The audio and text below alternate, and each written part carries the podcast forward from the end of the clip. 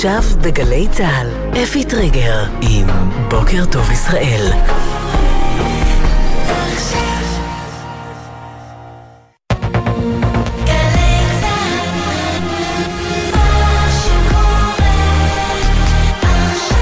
גלי צה"ל, שש בבוקר.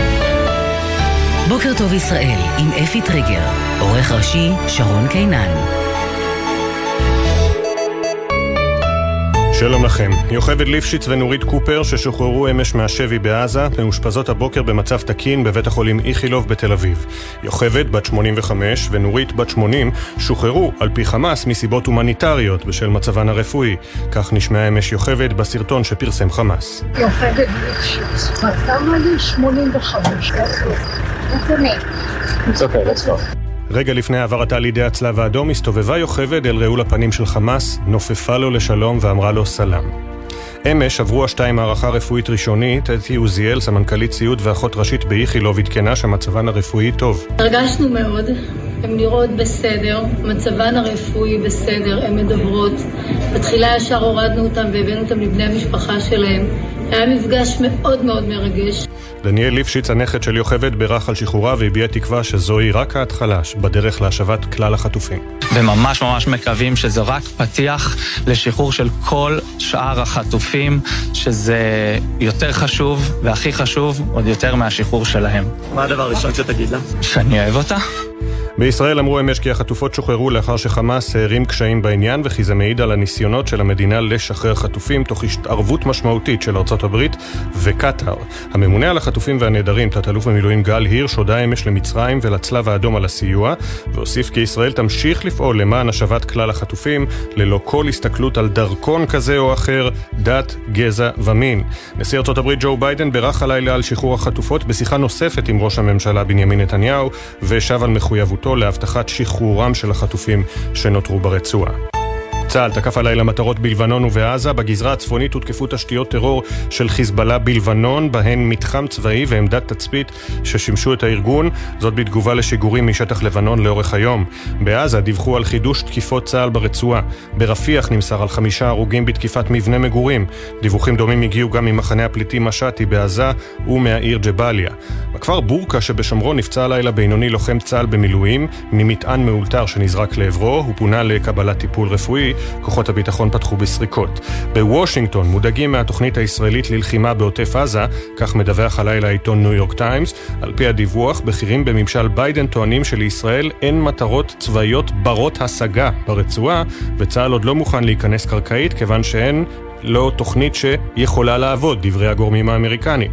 ראש הממשלה בנימין נתניהו הבהיר אמש כשהוא אה, יושב לצד שר הביטחון והרמטכ"ל, שלמרות הדיווחים על חיכוכים בינו לבין צמרת צה"ל, כולם משתפים פעולה. אנחנו מקבלים את ההחלטות כאן ובקבינט לניהול המלחמה פה אחד. אנחנו עושים את זה באחריות רבה, אנחנו עושים את זה גם בחרדת קודש. אנחנו נלחמים יחד ואנחנו ננצח יחד. רק יחד. היום ה-18 למלחמה, שאלת האחריות של הדרג המדיני שבה ועולה. שרת התחבורה מירי רגב מהליכוד טענה אמש בריאיון לערוץ 14, ראש ממשלה לא יכול לקחת אחריות במקום גורמי הביטחון. אף מנהיג, אף ראש ממשלה לא יכול להחליף את אמ"ן, ולא יכול להחליף את שב"כ, ולא יכול להחליף את המוסד שהם באים לך עם המלצות מסוימות לגבי פעילות מסוימת. נשיא צרפת עמנואל אה, מקרון ינחת הבוקר בישראל לביקור רשמי. מקרון, שהביע תמיכה בישראל מתחילת המלחמה, יפתח את ביקורו בפגישה עם משפחות החטופים בעלי אזרחות צרפתית, בהם אה, מי אשם, שהסרטון שלה פורסם בשבוע שעבר, ועם אזרחים נוספים שנפגעו בטבח השבעה באוקטובר. לאחר מכן ניסה מקרון לירושלים, שם ייפגש עם ראש הממשלה, נשיא המדינה, השר בני גנץ וראש האופוזיציה לפיד. בשלוש אחר הצהריים יעבור מקרון לרמאללה, שם ייפגש עם אבו מאזן. מקרון מצטרף לרשימת המנהיגים שהגיעו לביקורי תמיכה בישראל מתחילת המלחמה, ובראשם נשיא ארצות הברית ביידן. ההרשמה לקבלת הפיצויים לתושבים שהתפנו עצמאית מהערים והיישובים בדרום אה, ובעוטף עזה תיפתח בימים הקרובים, זאת לאחר שהממשלה אישרה אמש את מנגנון הפיצוי, ולפיו המדינה תשלם לכל מבוגר 200 שקלים ליום, ולכל ילד 100 שקלים ליום. האזרחים שייכללו במתווה הם אלה שבחרו להתפנות ללא סיוע הרשויות המקומיות ומשרדי הממשלה, ואינם שוהים בבתי מלון. במקביל, מקורות ממשלתיים טוענים כי השר דודי אמסלם מסרב להעביר לתקציב המדינה את כספי הדיבידנדים של החברות הממשלתיות בסך 2 מיליארד שקל כדי שישמשו להוצאות המלחמה והסיוע. מיליציות הנתמכות בידי איראן נטלו אחריות על תקיפת שלושה בסיסים אמריקנים בסוריה אמש בטילים וכטב"מים. גדודי חיזבאללה בעיראק, מיליציה שיעית שהוקמה על ידי כוח קודס, אה, קיבלה אחריות על תקיפת הבסיסים האמריקנים אל-עומר והטנף והשדאדי, שבהם נמצאים כ-900 חיילים אמריקנים. לא דווח על נפגעים או נזק. דובר המועצה לביטחון לאומי בבית הלבן ג'ון קרבי אמר אמש, איראן ממשיכה לתמוך בחמאס ובחיזבאללה ועוקבת מקרוב אחרי האירועים. מזג האוויר ירידה קלה בטמפרטורות, אך יוסיף להיות חם מהרגיל לעונה. בשעות הצהריים ייתכן גשם מקומי, בעיקר בצפון מזרח הארץ. בוקר טוב ישראל עם אפי טריגר.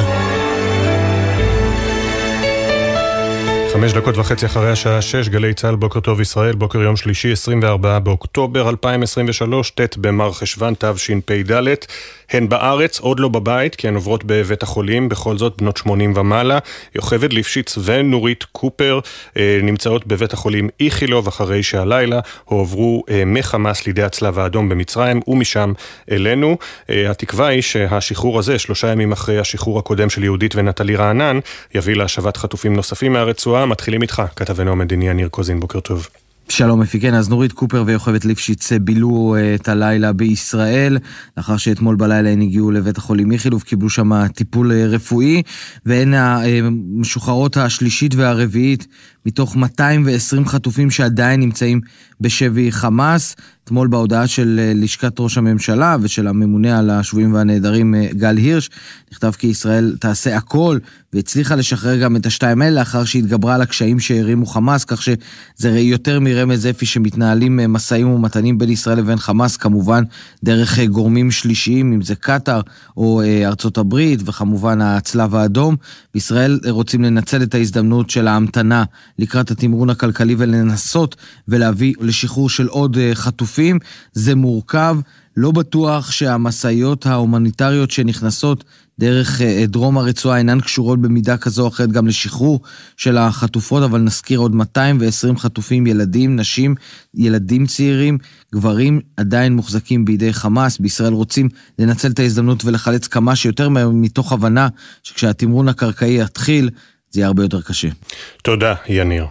בגזרת העוטף ממשיכים להתכונן גם היום לכניסה הקרקעית לרצועה. הרמטכ"ל ובכירים נוספים מבהירים שהכוחות כבר מוכנים אה, אה, לפעולה, אבל אה, עוד לפני כן כמובן אנחנו עם אה, תגובת אה, המשפחה של אה, יוכבד ושל נורית והחטופים הנוספים. גל ג'רסי, שלום.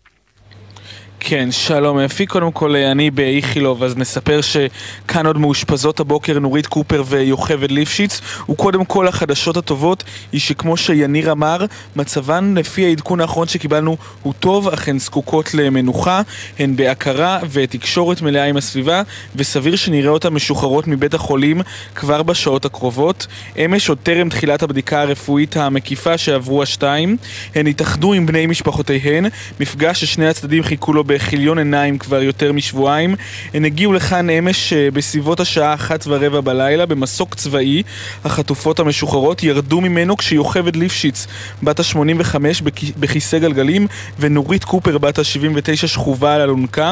כמה דקות אחריהן נחת מטוס מסוק נוסף עם בני המשפחות הנרגשים, והמפגש ביניהם קרה לראשונה כאן בבית החולים. וכן, ביקשת גם את תגובת המשפחות, אז קודם כל שמענו את דניאל ליפשיץ. ליפשיץ, נכדה של יוכבד ליפשיץ, שסיפר בהתרגשות על הרגע בו יפגוש את סבתו, אמר שהדבר הראשון שהוא יאמר לה שהוא אוהב אותה. שהוא אוהב אותה כמובן, וגם uh, מטה המאבק להחזרת המשפחות החטופים פרסם הודעה שהוא כמובן מברך על החזרת עוד שתי חטופות, אבל הוא רוצה לראות את כל 200, uh, מעל 200 חטופים שנמצאים ברצועת עזה, והוא שב והדגיש שהדרך לעשות זה היא דרך לחץ של מנהיגי העולם להחזיר את כלל החטופים. אלה עם האזרחות הזרה, כמו שראינו את נטלי ויהודית רענן, ואלה בלי האזרחות הזרה, כמו יוכבד uh, ליפשיץ ונורית קופר. תודה. גל ג'רסי בבית החולים איכילוב, שמחים לשמוע שמצבן של נורית ויוכבד טוב. כאמור, ההכנות עדיין נמשכות בגזרה הצבאית בדרום. האם הדרג המדיני ייתן את האור הירוק? מתי? אם בכלל? כתבנו לענייני צבא וביטחון דורון קדוש, שלום. שלום אפי, כן, זאת בדיוק השאלה. בצבא אה, לא יודעים עדיין להגיד האם אה, יש אור ירוק או אין אור ירוק לתחילת התמרון הקרקעי, אבל יודעים להגיד דבר אחד ברור, רוצים שהתמרון הקרקעי יתחיל כבר, אומרים שמוכנים לקראת הכניסה הקרקעית הזאת, ואומרים יותר מזה, אי אפשר להשיג את מטרות המלחמה אם התמרון הקרקעי לא יצא לפועל. ובצה"ל אפי חוששים מאפשרות שככל שהתמרון ימשיך להתעכב, ככה גם יישחק המתח המבצעי בקרב הכוחות הלוחמים. זו הסיבה שהם סבורים שנכון לצאת לפעולה כמה שיותר מהר. גם בביקורים ובשיחות שראש הממשלה נתניהו קיים עם כוחות ועם מפקדים בשטח, הם ביקשו ממנו דבר אחד, הם אמרו לו רק אל תעצרו אותנו. ובצה"ל אפי אומרים שהם מוכנים לפעולה. הרמטכ"ל הלוי גם אה, נשמע בקולו, נפגש אתמול עם מפקדי אוגדת מילואים, והוא אמר להם בצורה הברורה ביותר, התמרון בדרום מוכן בצורה טובה מאוד, יש תוכניות איכותיות, נכון שיש שיקולים טקטיים, אופרטיביים, אסטרטגיים, זאת אומרת הרמטכ"ל אה, מבין אה, למה התמרון מתעכב מסיבות כאלה ואחרות, ולכן יש עוד זמן, וזה אה, הסיבה שאומר הרמטכ"ל, אנחנו מתכוננים טוב יותר, וזה מה שהכוחות עושים עכשיו. והוא בצפון, דורון, גם הלילה צה"ל המשיך לפעול אחרי יום קרבות נוסף אתמול. כן, טוב, תראה, זה כבר אה, ימים רבים וארוכים שצה"ל תוקף אה, בשטח לבנון כל לילה, וזה בתגובה על כל אירועי היממה האחרונה למעשה, אז גם הלילה צה"ל תקף שוב יעדים של חיזבאללה, אה, גם תשתיות טרור, מתחם צבאי, עמדת תצפית ששימשו את חיזבאללה. קצת מסיכום אירועי יום האתמול, היממה האחרונה, חוסלו חמש חוליות מחבלים אפי בשטח לבנון, סך הכל מתחילת הלחימה, יותר מ-20 חוליות שניסו לבצע שיגורים לשטח ישראל וחוסלו. היו גם שני טילי נ"ט ששוגרו אתמול על מוצב צבאי ליד קריית שמונה, ואחד מהם כנראה פגע בבית בעיר, שני אזרחים נפצעו באורח קל. בנוסף, אפי חיזבאללה שיגר אתמול גם כטב"ם לעבר האזור של עכו, עין המפרץ. הכטב"ם הזה יורט בהצלחה, ובתגובה כאמור על כל האירועים האלה אתמול בגבול לבנון, אה, צה"ל תקף הלילה שוב מטרות של חיזבאללה. תודה, דורון. שש ושתים עשרה דקות אנחנו עם אה, כותרות uh, העיתונים, uh, כמובן התמונות של יוכבד ונורית באמבולנס, אלה התמונות שהספיקו להכניס הבוקר בעיתונים, באמבולנס של הצלב האדום. נספר שוב, כמו שסיפרנו במהדורה, יש גם סרטון מוקדם יותר שפעילי חמאס, רעולי פנים כמובן, מעבירים את יוכבד ונורית לידי נציגי הצלב האדום, זה איפשהו בצד העזתי של מעבר, לקראת מעבר רפיח, מקום מסתור כלשהו. בודקים עם יוכבד, מדברים איתה איתה אפילו בעברית, אני יוכבד, בת 85, ואז רגע, אין מילים לתאר אותו, רגע לפני שהיא עולה לרכב של הצלב האדום, יוכבד מסתובבת. אל uh, פעיל uh, חמאס רעול הפנים, אני שוב אחזור על זה, יוכבד מסתובבת אל פעיל חמאס רעול הפנים, אומרת לו שלום, סלאם, ומנופפת לו לשלום, יוכבד ליפשיץ בת ה-85. זה פשוט מה ש... אין, לא צריך הסברה ישראלית, את זה צריך להראות בלופ ולהשמיע בלופ כל הזמן.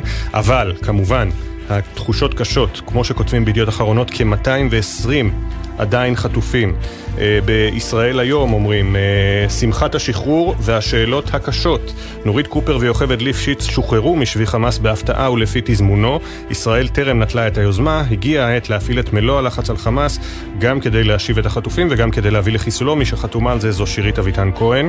אה, פרופסור אבי בן צבי כותב ומפרשן שהמלחמה היא איום על חלומות ביידן למזרח תיכון חדש, והאלוף במילואים גרשון הכהן, במסר ברור לדרג המדיני, האופק להכרעה טמון בקרקע. בהארץ, עמוס הראל קורא למה שקורה עכשיו תקופת ההמתנה. אגב, זו גם הכותרת של אה, מעריב. Uh, צבי בראל מדבר על כפל uh, תפקידים.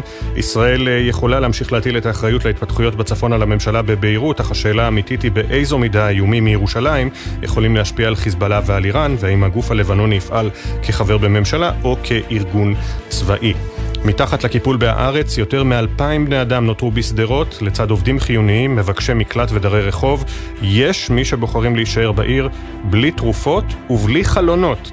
הכתבה המלאה של ליזה רוזובסקי ועדן סולומון בעמוד 5 בעיתון uh, הארץ. בידיעות אחרונות, שמעון שיפר כותב: החטופים תחילה. בין מבקריו של נתניהו יש טוענים שהוא פחדן, אחרים רואים בכך סימן חיובי. לנתניהו יש סיבות טובות להעלות ספק בנוגע לתוכניות הצבא לכניסה הקרקעית. יוסי יהושע כותב שחמאס דוחה את הקץ. תמונה עצובה, עצובה מאוד. ריידר, כלבו האהוב של דרור בהט, זיכרונו לברכה, שנרצח במסיבה ברעים, מחכה כבר שבועיים לבעליו שלא ישוב. כשהוריו של דרור עולים לקברו הטרי, ריידר עולה איתם. הוא טיפל בו ממש כמו בילד שלו, מספר אביו של דרור עידן. מעכשיו הוא יישאר לחיות איתנו, והתמונה של הכלב ריידר, אי אפשר לטעות בעצב בעיניו, אה, על אה, הקבר, ליד הקבר של דרור אה, בהט, זה צילום באדיבות המשפחה. אה, היינו ב... עכשיו בואו נראה במעריב מה כתוב. מאיר עוזיאל עם אה, מאמר מאחד, כולנו אחד. בן כספית כותב, בין יצחק לאפרים, יצחק זה אה, יצחק בריק, השני זה אפי איתן, תת-אלוף במילואים, שגם איתו כנראה נתניהו מת, מתייעץ. זו פעם ראשונה שאני רואה שגם אפי איתן בעניינים שם, כמייעץ מבחוץ. אתמול אגב פורסם על שם מאוד מפתיע, לא אחר מאשר גבי אשכנזי, שהתבקש להגיע לראש ראש הממשלה לפגישת ייעוץ.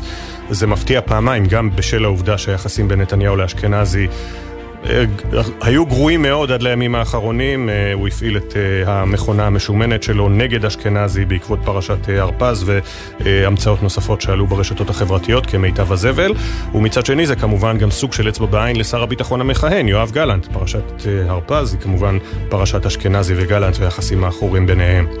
בג'רוזלם פוסט, התמונה בשער היא מהלוויית נדב גולדשטיין, סליחה, סליחה, סליחה, נדב גולדשטיין וביתו ים מביאים למנוחת אה, עולמים, כן, אחרי שנרצחו ורעייתו ושני ילדים נוספים נחטפו, הלוויית משפחת גולדשטיין, אה, צילום של אמיר לוי, אה, וכמובן אף אחד שם לא, אינו לא נשארה יבשה בצילום הזה. IDF Training for Invasion Intensifies, הולך וגובר ההיערכות, האימונים של צה"ל לקראת פלישה, invasion, כלומר פעולה קרקעית. ביתד נאמן, אה, במעמד ובהשתתפות מרנן ורבנן גדולי ישראל שליטה, רבבות אלפי ילדי ישראל, צאן קדושים, תינוקות של בית רבן, התכנסו למעמד תפילה וזעקה.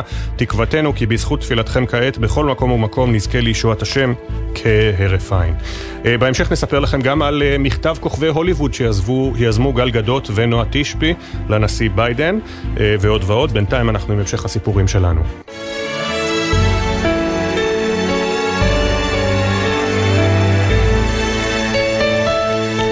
שש ושבע עשרה דקות, כלל ידוע בסיפורי ילדים הוא שהסוף הטוב תמיד מגיע. אבל אה, מתקפת חמאס בשבעה באוקטובר אילצה את ילדי עוטף עזה להתמודד עם סיפור אחר, קשה ואמיתי, עם אובדן של בני משפחה עבור רבים, עם אובדן של בית עבור רבים. אל גל היוזמות שמנסות להעלות חיוך על פני הילדים מצטרף גם הסופר ינץ לוי, שהילדים שלכם אולי מכירים מהסיפורים על הדוד אריה, סבא אליהו או המורה דרורה. הוא קרא לילדי העוטף לשוחח איתו בניסיון לתת להם מעט תקווה שהסוף עדיין יכול להיות טוב. שלום, בוקר טוב, ינץ לוי. בוקר.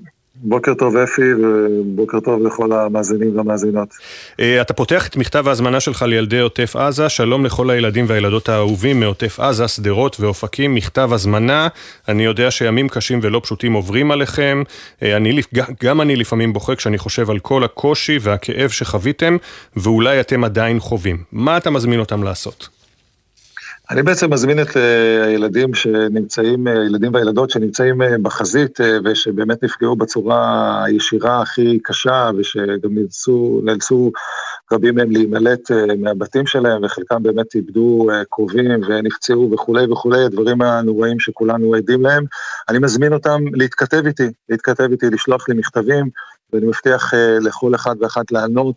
אה, ליצור איזשהו סוג של תקשורת אה, שפויה, איזושהי תקשורת אה, רכה, מעודדת, לחלוק רגשות, לחלוק רגשות, לחלוק סיפורים, וזה כבר קורה, כי באמת הפצנו את המכתב הזה, וילדות וילדים כותבים לי שילובים של מציאות ודמיון ומחשבות, ולא משנה בכלל איזה, על, על מה מדברים, אלא איזושהי מין שיחה כזאת, כי תראה, אני מאמין שאני מעביר מסר לילדים שמאחר שקראנו את אותם ספרים, אולם זה ספרים שאני יצרתי, אבל גם קראתי אותם, ונהנינו בעצם מאותם הרפתקאות, מאותם סיפורים, אנחנו בעצם, יש לנו חוויה משותפת, ואנשים שיש להם חוויה משותפת הם בעצם חברים. אז אני uh, מזכיר להם שאנחנו בעצם חברים דרך הספרים, ו- ומציע את, ה- את, ה- את הערוץ התקשורת הזה, uh, כשאני מוכן ומזומן כמובן להקדיש את תשומת הלב, כאמור, לכל ילד וילדה uh, שישלחו לי מכתב. אבל יש מאחורי זה כמובן איזושהי הסתכלות יותר רחבה. אה, כי אני כיוצר לילדים, אני לא יוצר רק לילדים, אבל כיוצר לילדים, אני לא רק, אה, אה, מה שנקרא, היצירה שלי או התקשורת שלי מעולם, לא, לא מצויים רק, לא מצויות רק בין הכריכות. זה איזשהו תפקיד בעולם, שיש לי איזושהי תחושה מאוד מאוד גדולה של אחריות. אתה יודע, עולם המבוגרים כשל, כשעולם ההורות אנחנו כעולם המבוגרים, בעצם התפקיד הראשון, העיקרי שלנו זה להגן על הילדים. להגן עליהם, לשמור עליהם, גם על הרוח שלהם, גם על הנפש שלהם, וכמובן על הגוף שלהם, על הבית שלהם, על תחושת הביטחון שלהם. ואנחנו כרגע עומדים אה, מול שוקת שבורה, מול כישלון מאוד מאוד גדול כחברה בהקשר הזה. זה דבר שצורב, כואב, אה, אה, באמת איום ונורא, לא צריכים אותי שאני אגיד את זה. וחשוב לך להגיד להם גם שאתם מכירים אותי דרך הספרים, אני לא מכיר אתכם, אבל אני מרגיש שאנחנו חברים, אתה כותב להם. נכון, נכון, נכון, כי תראה, אה, כי, כי, כי באמת אה, יש חוויה משותפת, תראה, הספרים שלי, לשמחתי, נמכרו באמת אה, ביותר ממיליון עותקים בישראל, אז יש איזושהי חוויה משותפת, תקשיב, זה, זה עם, זה תרבות, שיש לנו איזשהו רפרנס משותף, איזשהו משהו שאנחנו יכולים לדבר עליו, וזה הכוח של סיפורים.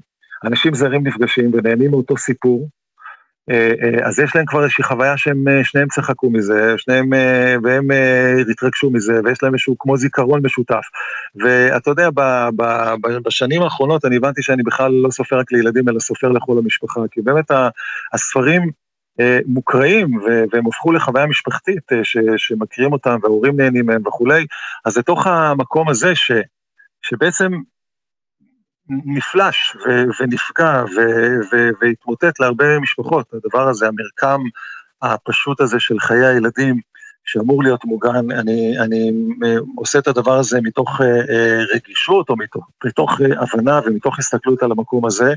מזמין את כל הילדים, כל מי ששומע אותנו, תגידו לכל מי שאתם מכירים, מהעוטף, משדרות, מאופקים, מאשקלון, מכל האזורים שאנחנו יודעים שהם מופצצים ושהם נפגעו ושהם הותקפו בצורה ועדיין נמצאים באמת במצב קשה, במצב מאוד מאתגר, תגידו להם, אפשר לכתוב לי, הפרטים נמצאים גם באינטרנט, ואנחנו מפיצים את זה, גם בוויינט כתבו על זה, והנה עכשיו בגלי צה"ל, אפשר לכתוב לי, אני, אני אענה לכולם, ליצור איזשהו סוג של התכתבות, וגם מי שלא כותב לי, היה לי חשוב להעביר את המסר הזה, שיש שם מישהו שרואה את נקודת המבט של הילדים.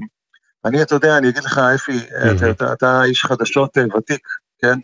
אני הייתי עושה מהדורת חדשות שמסתכלת על כל ההיסטוריה וכל ההתרחשויות דרך נקודת המבט של ילד. זאת אומרת, כל דבר שקורה, הייתי שואל את עצמי, מה בעצם זה עושה לילדים בעולם? אתה יודע, אפילו אה, אה, אה, שינויים כלכליים, מה זה עושה בעצם לילדים?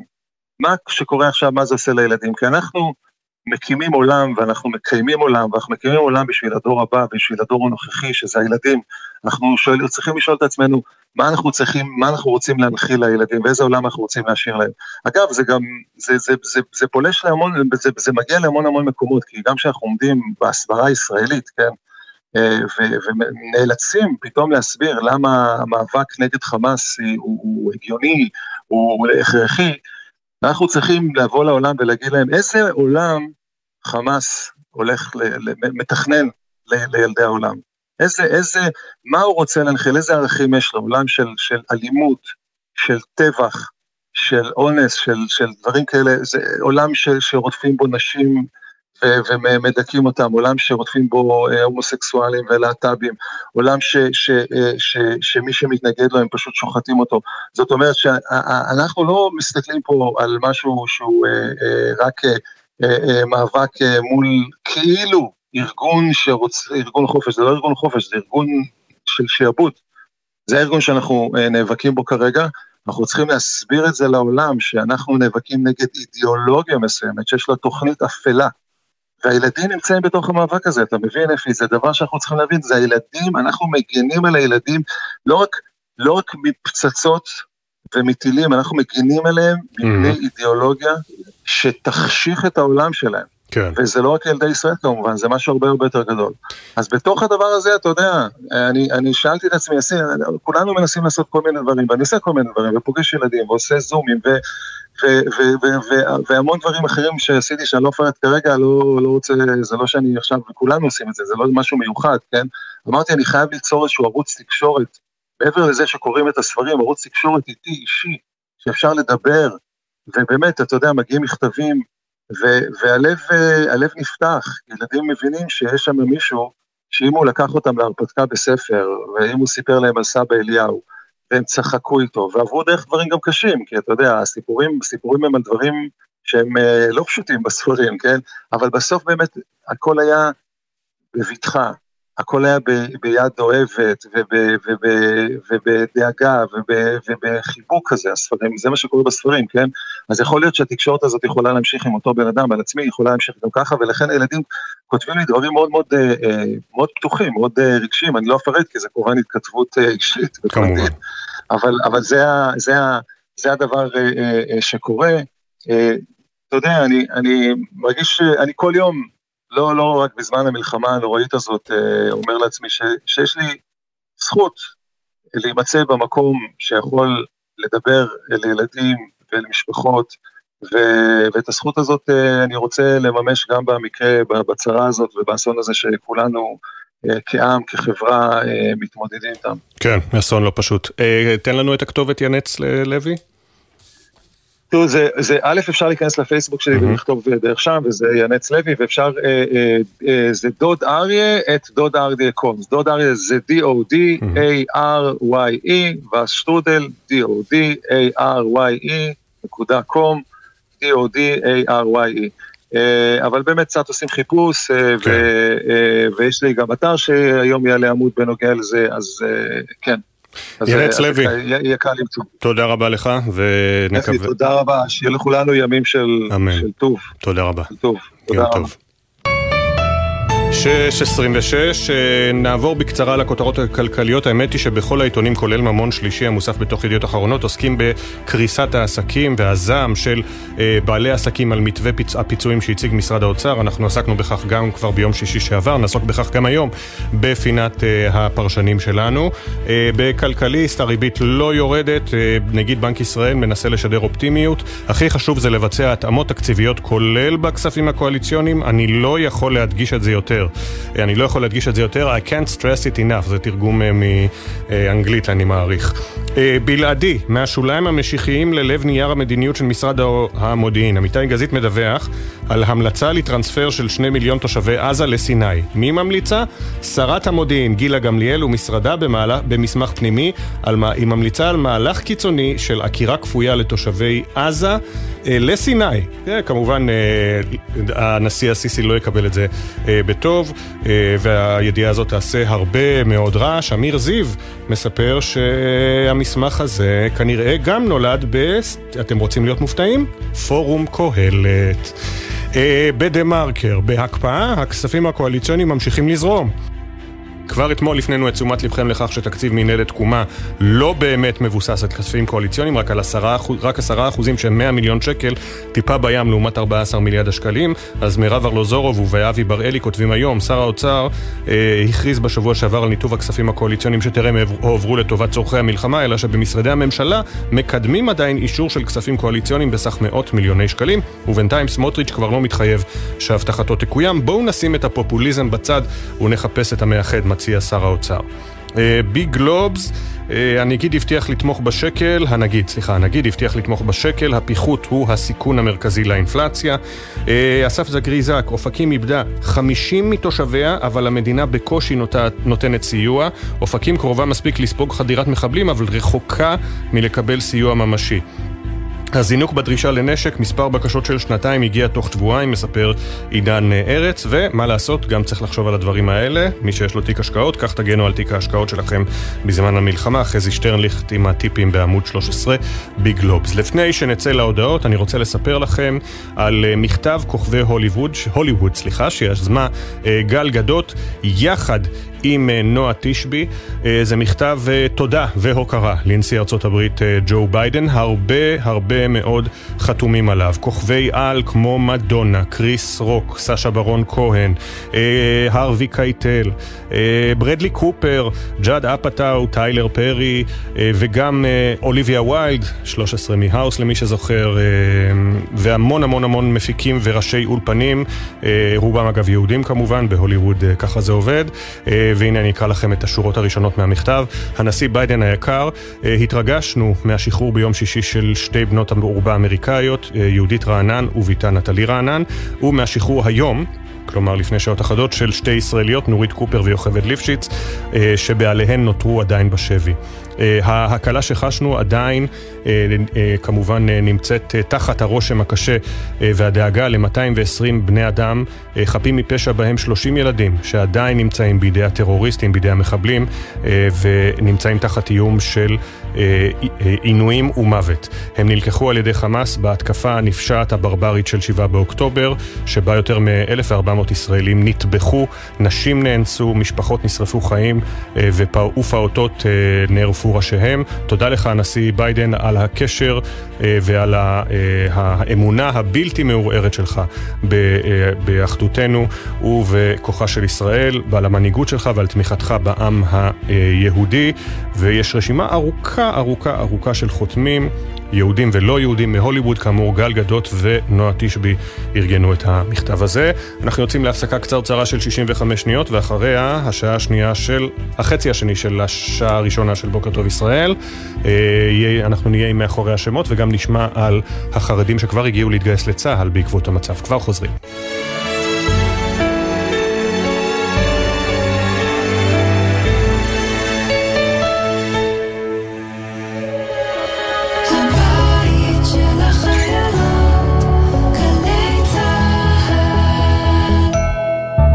נתקלתם בנפלים או שברי ערות? לא נוגעים וכמובן לא מצלמים. מתרחקים, מרחיקים את הסובבים ומיד מדווחים למשטרת ישראל. הנחיות פיקוד העורף, מצילות חיים. בעקבות המצב הביטחוני במדינת ישראל, אנשי משרד החינוך מלווים את משפחות הנפגעים והמפונים, ונותנים מענה רגשי, חברתי וחינוכי לילדים ולבני הנוער. אנשי השירות הפסיכולוגי-ייעוצי של משרד החינוך נותנים מענה במגוון נושאים לצוותי החינוך, לתלמידים ולהורים. כוכבית 6552, קו הסיוע הרגשי פועל 24 שעות ביממה. כולנו משפחה אחת. יחד ננצח. עכשיו בגלי צה"ל, אפי טריגר עם בוקר טוב ישראל. כמעט 6.32 הכותרות. יוכבד ליפשיץ ונורית קופר ששוחררו אמש מהשבי בעזה מאושפזות הבוקר במצב תקין בבית החולים איכילוב בתל אביב. יוכבד בת 85 ונורית בת 80 שוחררו לטענת חמאס מסיבות הומניטריות, כך נשמעה אמש יוכבד בסרטון שפרסם חמאס. יוכבד ליפשיץ, בת כמה לי? 85. It's okay, let's go. דניאל ליפשיץ, נכדה של יוכבד, בירך על שחרורה והביע תקווה שיבואו עוד רבים אחרים. וממש ממש מקווים שזה רק פתיח לשחרור של כל שאר החטופים, שזה יותר חשוב, והכי חשוב, עוד יותר מהשחרור שלהם. מה הדבר הראשון שתגיד לה? שאני אוהב אותה. גל הירש, הממונה על החטופים והנעדרים, אמר כי ישראל תמשיך לפעול למען השבת כל החטופים ללא הסתכלות על דרכון כזה או אחר. נשיא ארצות הברית ג'ו ביידן בירך הלילה על שחרור החטופות בשיחת טלפון נוספת עם ראש הממשלה נתניהו, חזר על מחויבותו להבטחת שחרורם של החטופים שנותרו ברצועה. צה"ל תקף הלילה מטרות בלבנון ובעזה בגזרה הצפונית הותקפו תשתיות טרור של חיזבאללה, בהן מתחם צבאי ועמדת תצפית ששימשו את הארגון. בעזה דיווחו על חידוש תקיפות צה"ל ברצועה, ברפיח נמסר על חמישה הרוגים בתקיפת מבנה מגורים. דיווחים דומים הגיעו גם ממחנות הפליטים משאטי, ממחנה הפליטים משאטי בעזה ומהעיר ג'באליה. בכפר בורקה שבשומרון נפצע הלילה בינוני לוחם צה"ל במילואים ממטען מאולתר שנזרק לעברו. החיילים החלו בסריקות אחר המחבלים.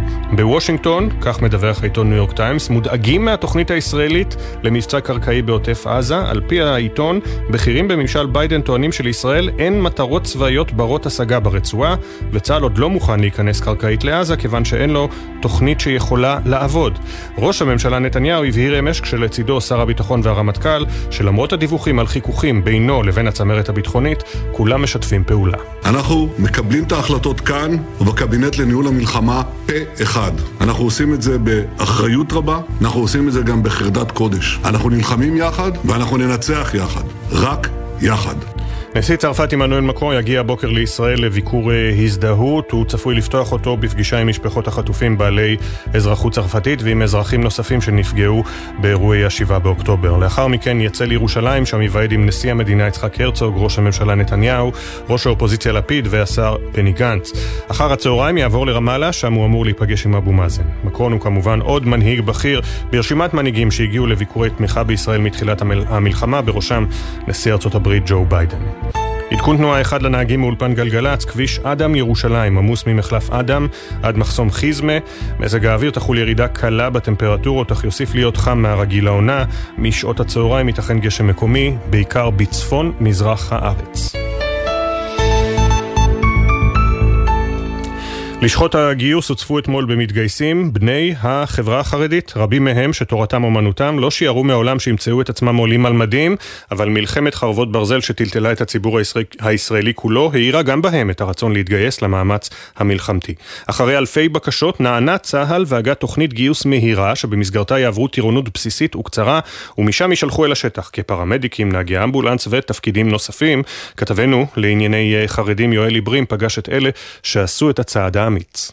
מחזות חריגים נראו אתמול בבסיס הבקו"ם בתל השומר. עשרות רבות של חרדים, חלקם בני 40, שאינם מחויבים להתגייס לצה"ל, החליטו להמיר את הלבוש הקלאסי השחור לבן במדי זית, ישראל תחת מלחמה, ומבחינתם אי אפשר להישאר אדישים. הנקודה זה הצורך כרגע שעם ישראל נמצא ומדינת ישראל נמצאת, וצריך לעשות את המיטב בשביל זה. זה משהו חדש, זה משהו מעניין, זה משהו מאתגר.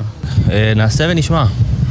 זה מאוד מוזר, לא חשבתי שזה יקרה, אבל אני שמח שזה קורה. עם פרוץ המלחמה החלטתי שאני חייב לעשות משהו.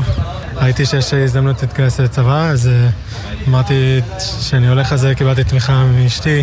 רק בשבוע שעבר השיק צה"ל תוכנית לגיוס מהיר של אלפי חרדים כתומכי לחימה. במדור החרדים בצבא קיבלו למעלה משלושת אלפים פניות תוך ימים. וכשבכל שנה מתגייסים כאלף חרדים בלבד, יש מי שטוען כי מתרחש שינוי משמעותי בחסות המלחמה, אבל דווקא בקרב המתגייסים עצמם מצאנו חילוקי דעות. אני חושב שהוא מאוד דרמטי, אני חושב שהוא ישתנה וישתנה לטובה, ואני מקווה שמשני הצדדים ישתנו, גם הציבור החילוני וגם הציבור החרדי. אני לא חושב שיש פה מגמת שינוי בגיוס לסדיר. רוב האנשים שמתגייסים עכשיו הם אנשים שכבר יצאו לשוק העבודה, לא, לא במיינסטרים. המראות בתל השומר לא קיבלו חותמת כשרות מהממסד החרדי. רם משה בעבד, רב חיל האוויר לשעבר, שהגה את התוכנית כולה, מסביר כי שינויים אמיתיים מתרחשים כשאין כפייה. כשאני פתחתי את זה, ביקשו ממני להביא רשימה של 50. היום בבוקר גמרתי להביא 1,400.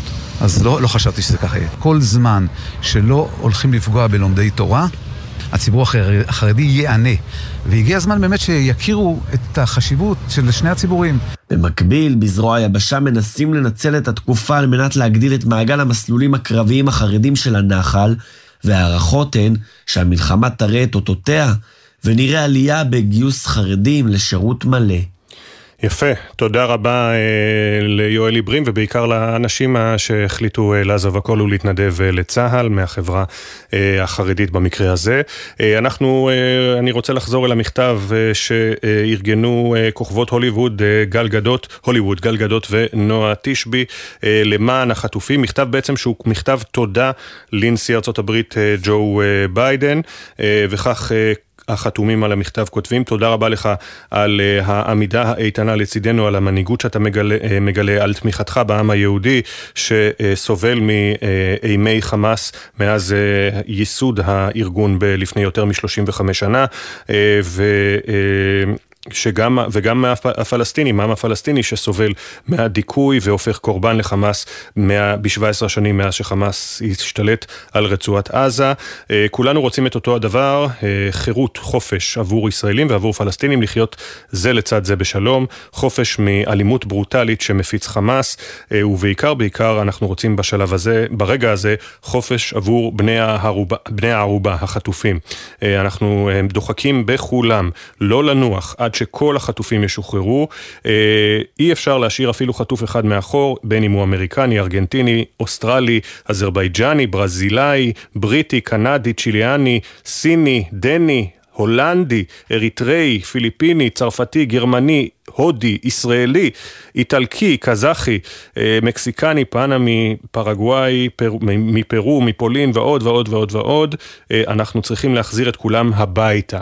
הרשימה פשוט בלתי נגמרת של החתומים, אני, לפי סדר א'-ב' של השם הפרטי, אדם סנדלר ורעייתו, איימי שומר, ארון סורקין, לא רק יהודים, בלה תורן, הכוכבת הצעירה המאוד מוכרת, בוב אודנקירק, הלוא הוא סול גודמן, ברדלי קופר, שבקרוב נראה אותו מגלם את מאסטרו ליאונרד ברנשטיין בסרט חדש, אה, קריס רוק, קונסטנס וו, קורטני קוקס, כוכבת אה, חברים ועוד ועוד ועוד, גם מדונה מגיעה שם, אה, וגם הרבה מאוד מנהלים בכירים בהוליווד. זה מכתב תודה לנשיא ארצות הברית ג'ו ביידן, שארגנו אותו גל גדות ונועה תשבי. ולפני שנלך אל פינתנו מאחורי השמות, אני אזכיר שוב, לא בפעם האחרונה במשדר הזה, את הרגע הבלתי יאמן, בלתי נתפס, אפילו אפשר להגיד אופטימי, מסרטון, לא סרטון האמבולנס של מרים ויוכבד אתמול, אלא הסרטון אה, שבו חמאס מעביר אותן לידי הצלב האדום, זה לפני מעבר רפיח המצרי, לפני האמבולנס, פעילים, רעולי פנים, מביאים אותם, נותנים להן איזשהו חטיף לאכול,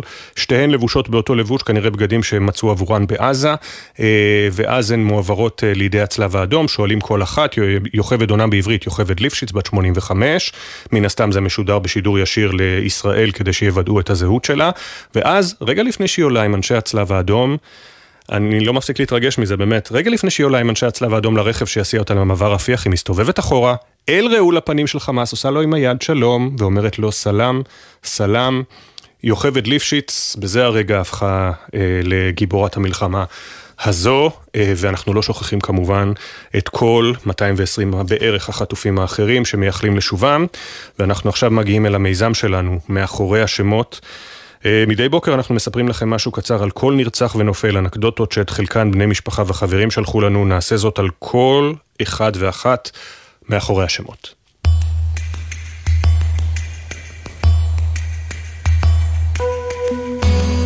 אדריאן נטע, בת 66, נרצחה בביתה בקיבוץ בארי. אדריאן הייתה המיילדת המיתולוגית של סורוקה, שלא נחה גם לאחר שפרשה לגמלאות והתנדבה בחווה חקלאית טיפולית לבני נוער. ורדה הרמתי נרצחה בביתה בקיבוץ רעים. מספרים שהגרניום בגינה של ורדה תמיד פרח. מהתנור נידף ריח של פאי לימון, ועל הספה היא הקפידה לשים סדין כדי שלא יצטבר לכלוך. גדעון פאוקר, שאמור היה לחגוג בשבוע שעבר 80, נרצח בביתו בניר עוז. גדעון אהב אוכל טוב ובעיקר יין טוב. הוא הספיק להקים כרם קטן בקיבוץ והשקיע זמן רב בטיפוחו. ירמי שפיר נרצח בביתו בניר עוז. ירמי היה הדבר האגדי של הקיבוץ במשך 50 שנה, ותמיד אפשר היה לזהות אותו לפי הכובע האדום שעליו כתוב ירמי אקספרס. תמי סוכמן נרצחה בביתה בקיבוץ בארי. כל מה שיכלה העדיפה תמי ליצור בכפות ידיה. היא הייתה עופה, צורפת ותופרת, היא האמינה בשלום, והתנדבה בהסעת חולים מרצועת עזה לבתי חולים בארץ. בני הזוג דור, חנן, שפיר וסביון חן קיפר, שרק באחרונה עברו לגור יחד, נרצחו במסיבת הסיידק בעוטף. דור היה עורך הסכתים מוכשר ומכור לקורנפלקס כריות. סביון דאגה שבכל מקום שבו היא נמצאת יהיה משהו צומח ומלבלב, ולמדה לפתח צמחים מיוחדים באמצעות החלאות זנים. רב סמל מתקדם אליק פוזדניאקוב, בלש ביחידת מגן במחוז דרום, בן 38 מדימונה, נפל בקרב ברעים בעודו מציל את הנמלטים מהמסיבה. משפחתו סיפרה לנו שאליק אהב במיוחד לצעות על האש ובמעשנה, בשרים, ולארח את כל המשפחה. פינה חמה בליבו הייתה שמורה גם לכלבים. סגן אמיר צור, בן 23 מירושלים, לוחם בסיירת מטכ"ל. אמיר היה אלוף הארץ בריצת ניווט, התחרה באולימפיאדת הנוער במדעי כדור הארץ, ובגיל 11 כבר השתתף כסולן במופע חליל הקסם של האופרה הישראלית. בני הזוג משה שובה ויובל בר-און, שכבר החלו לתכנן את חתונתם, נרצחו במסיבה בעוטף. יום אחד נסע משה עם שני חבריו הטובים לשייט, וכשלא הייתה להם דרך לקרר את האבטיח שהביאו, משה, שידע לאלתר בכל מצב, קשר את האבטיח בחבל לקייק, והוא התקרר ממי הירדן. יובל השלימה רק לפני מספר חודשים את פרויקט הגמר שלה בלימודים, שאותו כתבה על ארגון מסיבות טבע. רב סמל מתקדם בר סיוון, בן 33, לוחם הימ"מ. בר היה צופיפניק בנשמה, מתנדב בכיבוי והצלה, וגם ספורטאי מוכשר, מתאמן בג'ודו ובקרוספיט. רב סמל מתקדם במילואים אביעד גד כהן, בן 41 משלומית. היה חבר כיתת הכוננות ביישוב. אביעד הוא ממייסדי שלומית, היה אחראי במסגרת עבודתו על אספקת המים לנגב המערבי, והתנדב בעמותת ידידים. בשבת, 7 באוקטובר, במרחק קילומטרים ספורים זה מזה, נפלו החברים הטובים, סמל ראשון עידו הרוש, בן 21 ממצפה רמון, וסמל ראשון יונתן גולן, יוני, בן 21 ממונוסון. עידו ויוני היו שותפים לחדר מספר 7 במכינה, ובחרו להתגייס יחד לחטיבה 7 בשריון, בהשראת המורשת של גיבור ישראל אביגדור קהלני. חברתה מאיה סיפרה לנו שעידו ויוני היו הלב הפועם של מכינת מנשרים קלו, ותמיד ייזכרו כאשפי הגיטרה. סמלת אופיר שושני, בת 20, מפקדת בבסיס מפרשית, נהרגה בביתה בכפר עזה. לאופיר, שכבר ציפתה לשחרור, הייתה רשימת מטרות. לקפוץ ממטוס, לטוס לתאילנד, לדרום אמריקה, לעשות סקי וגם קעקוע. רותם קלדרון נרצחה בביתה בקיבוץ בארי, רותם התנדבה בכל הזדמנות, בעיקר בעמותת לא מפקירים פצועים בשטח למתמודדים עם פוסט-טראומה מהשירות הצבאי. סיגל איתך, בת 27, נרצחה במסיבה ברעים. לאחר שהתייתמה, גידלה סיגל את שלושת אחיה הקטנים, בעצמאות ובשמחת החיים המדבקת שלה, היא אף פעם לא רצתה שירחמו עליה. הילי סולומון מכפר יונה נרצחה במסיבה ברעים. היא הייתה אמורה להשיק בסוף השבוע האחרון את מותג האופנה שלה, אשכרה, שיועד למסיבות ופסטיבלים.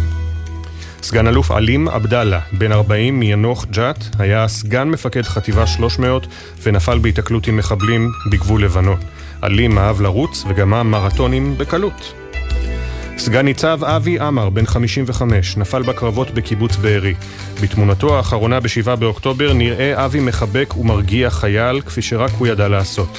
אבי אהב טבע, ובעיקר סוסים. סמל ראשון דולב המויאל, בן 21 מנתניה, היה לוחם בגדוד 13 בגולני. דרך עיניו המיוחדות, אחת בצבע כחול ואחת בצבע ירוק, ראה את הכל ואת כולם. הוא תועד מסייע לקשישה לחצות את הכביש, גם על אף שסחב ציוד רב. בני הזוג יצחק וחנה סיטון, בנם טל ואחותה של חנה פסיה, נרצחו בקיבוץ בארי. חנה הכינה את הבראוניז הטעימים ביותר שאף אחד לא הצליח לשחזר. פסיה כבשה יעדים מסביב לעולם בפנסיה. טל היה תוכניתן ומומחה למכות מסובבות בפינג פונג. ויצחק, שכונה זיזי, הרשים את כל חבריו של טל עם תרגילי השרירים המסובכים שלו. הפנים והשמות הסיפורים המלאים יעלו בהמשך לעמוד האינסטגרם והפייסבוק של גלי צה"ל. אנחנו מזכירים לכם, בני משפחה וחברים מוזמנים לשלוח לנו סיפורים ותמונות לכתוב את הדואר אה, האלקטרוני, זיכרון שטרודל glz.co.il, זיכרון עם K, שטרודל glz.co.il, ותודה לתמר שונמי, אילי זילברברג ואנה פינס שהביאו את הסיפורים המרגשים לשידור. נשנה אווירה, אנחנו ב... אבל לא, לא, לא, לא לגמרי נשנה אווירה, האמת, עדיין בעולמות השבעה באוקטובר, ועכשיו אנחנו רוצים לדבר על אה, כלכלה, גם השאלה הגדולה אה, לגבי תקציב המדינה, הכספים הקואליציוניים, אה, הסיוע, הזעם של בעלי עסקים, אבל בעיקר כספים קואליציוניים. גל הרשקוביץ לשעבר, ראש אגף התקציבים והבעלים של חברת סיטרין, שלום לך, בוקר טוב. בוקר טוב. ונעמה סיקולר, עורכת גלובס, שלום לך, בוקר טוב. בוקר טוב. אה, האמת היא, הברכה בוקר טוב שחזרה לצאת מפי אוטומטית, אלה עדיין ימים אה, לא פשוטים לכולנו. כן. אז נתחיל קודם כל באמת, אתמול, יותר נכון שלשום בערב, אישרה הממשלה, אחרי 16 ימי לחימה, את הקמת מנהלת תקומה ואת התקציב מיליארד שקל, 100 מיליון מתוכם מהכספים הקואליציוניים של 2023 שלא נוצלו, 900 מיליון על בסיס תקציב 2024, לא מהכספים הקואליציוניים, אלא בעצם 900 מיליון מהתקציב, מה שיחייב קיצוץ רוחבי בתקציבי משרדי הממשלה. גל הרשקוביץ', כשאנחנו יודעים שיש לפחות 7 מיליארד אה, שקלים שעדיין לא השתמשו בהם ב-2024 כספים קואליציוניים, האם אה, משרד האוצר, האם הממשלה כולה אה, לא רואים את מה שכולנו רואים? צריך מבחינת המדיניות הכלכלית לעשות שלושה דברים ואני מדגיש במקביל. פעם אחת זה סדרי עדיפויות ברורים לשלושה נושאים. אחד זה ברור, הנושא הביטחוני, כל המאמץ המלחמתי, פיצוי וסיוע גם למפונים וגם לעסקים שמושפעים, כאילו לא רק באזורי הפינוי, וזה צריך להיות מהיר ולא לחכות לפניות תקציביות וקופסאות, זה צריך להיות מהיר ומיידי ורחב. זה דבר ראשון. בהינתן שאלה סדרי העדיפויות בצד ההוצאה, ויצטרכו, זה לא רק עניין של שבוע-שבועיים, זה גם בתרחישים מסוימים יכול להימשך לתקופה ארוכה, בהינתן סדרי העדיפויות כאלה צריך כמובן לעשות שני דברים. פעם אחת הסטות פנימיות בתוך התקציב, זה לא רק הכספים הקואליציוניים, זה יותר רחב. זה אומר כל סעיף שלא תומך בצמיחה, כי אנחנו צריכים גם להשאיר בתקציב מנועי צמיחה שיתנו לנו הכנסות גם בטווח היותר ארוך, תשתיות, הכשרה מקצועית וכיוצא בזה. כל סעיף שלא נועד לסעיפים הללו, צריך להסיט לאותם התחומים שכרגע ציינתי. וזה פעם ראשונה וזה חשוב פעמיים. פעם אחת זה חשוב כדי למצוא מקורות לאותם הנושאים החשובים באמת. הדבר השני, גם להקרין אמינות אל מול השווקים הפיננסיים, שלפני שהם מגדילים ויגדילו גם את מסגרת ההוצאה, אז לפני שמקדימים, למעשה, קודם כל, עושים את כל הפעולות הנדרשות. זה לא צריך להיות על חשבון זמן, זה לא עכשיו תחכו, עכשיו עם פיצויים, תחכו עכשיו עם כל השאר הדברים, ועכשיו uh, אנחנו נתחיל לחפש הכסף. זה צריך להיות במקביל, וזה אומר לפתוח את תקציב 24 בצורה משמעותית. בנוסף, ככל שיידרש, תהיה גם כן הגדלה של כלל המסגרת, כלל מסגרת ההוצאה, וברור שכאשר אנחנו נחווה ונראה ירידה בהכנסות כתוצאה מירידה בפעילות של המשק, הרי ההכנסות ממיסים ירדו, הצמיחה תרד והגירעון יתרחב, במישור הזה הדבר הנכון ביותר לעשות זה לא לעשות, פשוט לא להטיל מיסים, לא להתעסק בנכסי המיסוי, לא לקבוע גם יעדי גירעון, אנחנו בנקודת מוצא טובה מבחינת החוב ההתחלתי, יחסית נמוך, זה אומר שיש מרווח כך שההכנסות ירדו, הגירעון יגדל ויתרחב מעצמו, עד מתי? עד מתי שלא נוכל לממן אותו, mm-hmm. מבחינת ריביות שהאוצר והחשב הכללי יצטרכו לגייס כדי לממן את החוב הזה. ולכן אנחנו צריכים להסתכל בראייה מיידית, שזה באמת לתת מענה ועכשיו ומהיר ורחב. זה שם המשחק, מהיר ורחב, אבל ממוקד בדברים, בנושאים שנקבעו, שכרגע פירטתי, לעשות את העבודה ולהסיט את הכספים ולהעביר את הכספים למקומות הנכונים במסגרת 23 ובעיקר במסגרת 24, להשרות אמינות אל מול השווקים, לאפשר הרחבה של הגירעון ולא להילחם בזה באמצעות מיסים או דברים מהסוג הזה, אבל כמובן באחריות, כי אנחנו לא יודעים כמה זמן למעשה התרחיש הזה יתקיים, ואיזה תרחיש גם. זאת אומרת, כן. מבחינת הרחבת הלחימה וכיוצא בזה, כדי שלא נגיע למצב שגם אם נרצה, לא נוכל אה, אה, להקטין את הגירעון. נכון. כיוון שבסופו של דבר השוטר שיעצור את זה, או עלול לעצור את זה, הם השווקים הפיננסיים, ולא דווקא חברות דירוג, אה, או יעדים, או דברים מהסוג הזה. אה, נעמה סיקולר, עורכת גלובס. אה, השיח כמובן לוקה גם לעיתים בפופוליזם, כי אני למשל מומחה כלכלי קטן מאוד, ואני מסתכל על הכספים הקואליציוניים והכל, אבל בסוף רואים כותרת כמו היום בעיתון, שהממשלה אומרת לחלק מהמפונים, למי שלא מצאו להם מקום בבתי מלון, בבתי מלון קחו 200 שקל למבוגר, 100 שקל לילד, תסתדרו. בצורה מאוד מכלילה כמובן, אני אומר את זה. והתחושה היא. צריך לשפוך כסף ועכשיו. אם עשו את זה בקורונה, למה לא עושים את זה עכשיו? והתחושה גם שלי, שבכלל לא החליפו את הדיסקט ולא הבינו את עוצמת האירוע שבו אנחנו נמצאים. אני מדברת גם על הפקידות המקצועית במשרד האוצר, אבל בעיקר על הפוליטיקאים שלנו.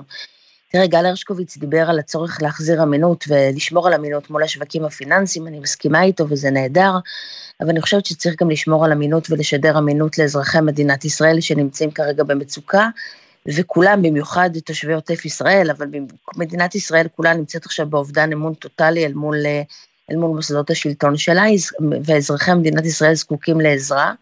בוודאי אלה שפונו מביתיהם, אבל גם אנשים אחרים שכרגע לא הולכים לעבודה וההכנסות שלהם נפגעות והילדים שלהם בבית, אה, והמשק כולו חווה תקופה כלכלית קשה, אזרחית קשה, וזה לא הזמן להסתכל על הדברים דרך החור של הגרוש, או כמו שהסתכלנו עליהם בעבר. עכשיו, המיליארד שקל שציינת בתחילת הדברים שלך, זה ההתחלה של ההתחלה של ההתחלה. אז אנחנו מדברים גם על כספים קואליציוניים וגם על כספים שצריך להסיט מתוך התקציב, אבל למעשה מה שצריך לעשות עכשיו זה לכתוב תקציב חדש לחלוטין, לפתוח אותו לגמרי, לשנות את כל הדברים. אנחנו מדברים על היקפים של פי עשרה או פי עשרים מה, מה, מהדברים שאתה דיברת עליהם, אנחנו מדברים על עשרות מיליארדים של שקלים. אלה ההיקפים, זה מה שצריך להיות. תסתכל, אתה יודע, דיברת על הכסף שנותנים למפונים, זה משהו שכל אחד מאיתנו יכול להרגיש, ואני אתן לך עוד דוגמה. פורסמה תוכנית שבמסגרתה כביכול הבטיחו כסף לכל מי שהכנסתו נפגעה. ובסופו של דבר מי שהכנסתו נפגע, נפגמה ב-100%, נניח מ-7 באוקטובר יש לי אפס הכנסות, אני יכולה לכל היותר לקבל בכל מיני תנאים והגבלות פיצוי של 18% החזר מההכנסות שלי. זה לא משהו שהוא בר קיימא, זה לא משהו שיחזיק פה עסקים, זה לא משהו שיחזיק פה עצמאים, זה לא משהו שייתן באמת את התרופה. כבר למעלה מעשרת אלפים איש נשלחו לחל"ת כפוי, חל"ת כפוי, והתופעה הזאת רק תימשך בימים הקרובים, ולמדינה כרגע אין תשובות, לא רק שאין תשובות, אתמול היה בלאגן טוטאלי בוועדת כספים סביב האירוע הזה, mm-hmm. והתוכנית הכלכלית הדלה והקטנה והלא מספיקה, בכלל עוד לא אושרה, אולי היא תאושר בנובמבר. זה, זה פשוט דברים שהם בלתי נתפסים, צריך להפוך דיסקט ומהר. כן, וכשאנחנו מדברים על להפוך דיסקט... אני רוצה להשלים את הנקודה של נעמה בשני מישורים. אמרתי את זה ואני רוצה לחזק את זה. הנקודה הראשונה, עניין המהירות.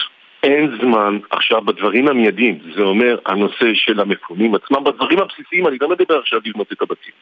אני מדבר עכשיו את הדברים הבסיסיים, כאילו בנושאים של החינוך, בנושאים הקהילתיים, בנושא החקלאות, בכל הנושאים הללו והפיצוי ישיר למפונים ושתיים לעסקים. אחד זה הזמן, גם על חשבון יעילות, מהר.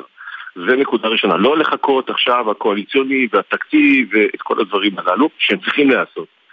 והדבר השני זה באמת באותם המפונים, באותם העסקים שנפגעו קשה, צריך להיות הרבה יותר רחב, אוקיי? זה אומר לא לפזר כספים ולא הליקופטרים, אבל בהחלט עסקים שנפגעו ובאמצעות נוסחאות שכבר קיימות אל מול המחזור, להיות הרבה יותר רחב, שזה כולל גם עסקים וגם עצמאים. עצמאים זה אותה ספרית, אותו פרילנסר זה לא חברה, זה חברה של בן אדם. וגם בעניין הזה צריך לראות, להשתמש במנגנונים נכונים, טובים, שתוך כדי תנועה גם נלמדו בקורונה, רק צריך להפעיל אותם מהר ובצורה אה, אה, רחבה, אבל ממוקדת. כן, אה, אנחנו, הממשלה מתרכזת כרגע בביטחון, ראש הממשלה והפעולה הצבאית. את מאמינה, נעמה, שבצלאל סמוטריץ' לבד אה, יכול לנהל את הקטר הכלכלי, או שאולי בכל זאת הוא צריך לקבל איזושהי הבחנה מראש הממשלה, שנזכיר שיש לו אה, הבנה גדולה בכלכלה יותר מכל היושבים סביב השולחן כנראה? תשמע, אני חושבת שמה שהיה לעשות זה להקים קבינט כלכלי, הוקם קבינט כלכלי. הוקם בראשות סמוטריץ'. מאוד רחב, מאוד רחב, מאוד מסורבל, מאוד פוליטי. אני חושבת שהיה צריך להקים סיירת חדה, קטנה, כזאת שתגיב מהר, להתייעץ עם מומחים, מה שקצת נעשה, אבל לא מספיק, ובאמת לעשות את זה הרבה יותר מהר. עכשיו, האם ראש הממשלה בזמן לחימה הוא זה שצריך לנהל את זה, או שר האוצר? אני לא נכנסת לדבר הזה, שראש הממשלה ידאג לביטחוננו, זה מספק אותי. אבל אני לא רואה כרגע לא את שר האוצר ולא את צמרת משרדו בכלל מבינים את גודל האירוע. עכשיו אני רוצה להגיד מילה על הכספים הקואליציוניים. בקצרה. האם צריך לדעתי לקחת מהכספים הקואליציוניים? התשובה היא כן, חד משמעית, כן עם סימן קריאה. האם 100% מהכספים הקואליציוניים לא מוצדקים? אני לא בטוחה שאני יודעת להגיד את זה, צריך לבדוק מה שם צריך ומה לא. כספים קואליציוניים ברגע שהם סקטוריאליים וברגע שהם מאוד מאוד פוליטיים, אז הם בוודאי פסולים ברגע כזה, וכבר דיברתי על הצורך להחזיר אמינות ולשדר אמינות, ומגיע את זה לאזרחי מדינת ישראל. בהחלט. אבל בואו גם לא נהיה פופוליסטים ונסתכל רק מתחת לפנס למה שאנחנו רואים, המהלכים שאנחנו מדברים עליהם והצרכים של מדינת ישראל כאלה, הרבה הרבה הרבה יותר גדולים. אכן, אנחנו חייבים לסיים. נעמה סיקולר, עורכת גלובס, גל הרשקוביץ', אה, הבעלים של חברת ציטרין, לשעבר ראש אגף התקציבים, תודה רבה לשניכם. יוצאים להפסקה של פחות משתי דקות, ואחריה השעה השנייה של בוקר טוב ישראל. כל העדכונים מבית החולים איכילוב, שם אה, עברו את הלילה אה, יוכבד ליפשיץ ונורית קופר אחרי ששוחררו משבי חמאס. נשמע גם על אה, המשך החיכוכים אה, בין אה, הדרג המדיני לצבאי ועל הטענות, לפחות בארצות הברית, גורמים בארצות הברית שלצה"ל אין תוכנית ברת עם יעדים ברי השגה בעזה, כבר חוזרים.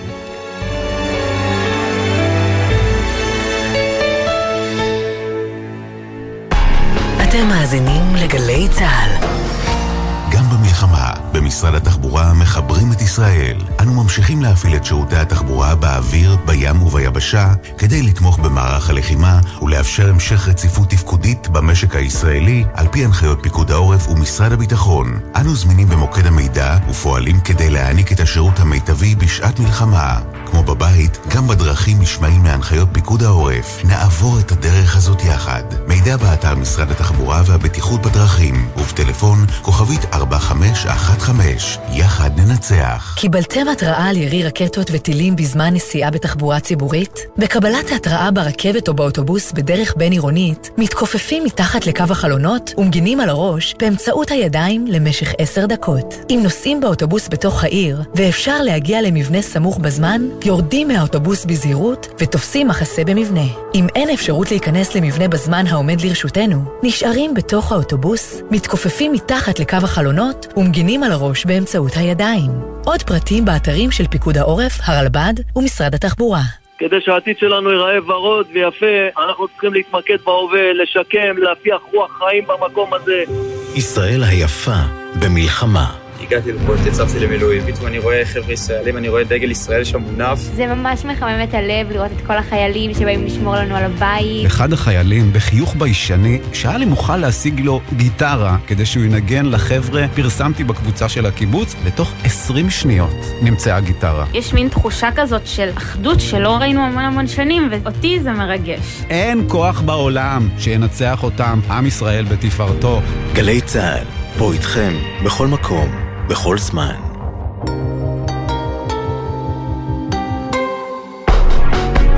עכשיו בגלי צה"ל, אפי טריגר עם בוקר טוב ישראל.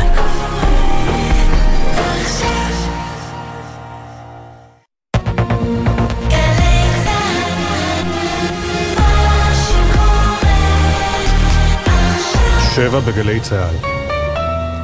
חזרו הביתה. מה הדבר הראשון שתגיד לה? שאני אוהב אותה? שתי החטופות, נורית קופר ויוכבד ליפשיץ, שוחררו ושבו לישראל. חמאס עדיין מחזיק בבני זוגן. גל ג'רסי ידווח מבית החולים איכילוב, שם הן מאושפזות ומצבן טוב. המהלך הקרקעי והלחץ האמריקני, עד כמה ישראל קרובה להיכנס לרצועה, ומהי מידת תמימות הדעים בצמרת המדינית והביטחונית. אנחנו מקבלים את ההחלטות כאן ובקבינט לניהול המלחמה פה אחד. כתבי גלי צה"ל ידווחו. בחזרה לרחוב הבלהות, השכנים של רחל אדרי מאופקים מדברים על רגעי האימה בשכונה שעדיין מלאה בחורי ירי ובמכוניות שבורות. אני חיה פה 58 שנה, בתים שלנו פתוחים, הדלתות פתוחות. עכשיו אנחנו במצב שלא לפתח את הדלתות. הוד בראל היה שם. חרדה כלכלית, המילואימניקים ובעלי העסקים שהותירו את העסק מאחור. העסק בינתיים סגור, מאוד מאוד מודאג, אבל אין מה לעשות. עינב קרנר שוחחה איתם. בוקר טוב ישראל. בוקר טוב ישראל עם אפי טריגר, עורך ראשי שרון קינן. שלום לכם. יוכבד ליפשיץ ונורית קופר, ששוחררו אמש מהשבי בעזה, מאושפזות הבוקר במצב תקין בבית החולים איכילוב בתל אביב. יוכבד בת 85 ונורית בת 80 שוחררו מסיבות הומניטריות בשל מצבן הרפואי, כך אמרו בחמאס. הנה יוכבד בסרטון שפרסם אמש חמאס. יוכבד ליפשיץ, בת כמה לי? 85. איפה אני?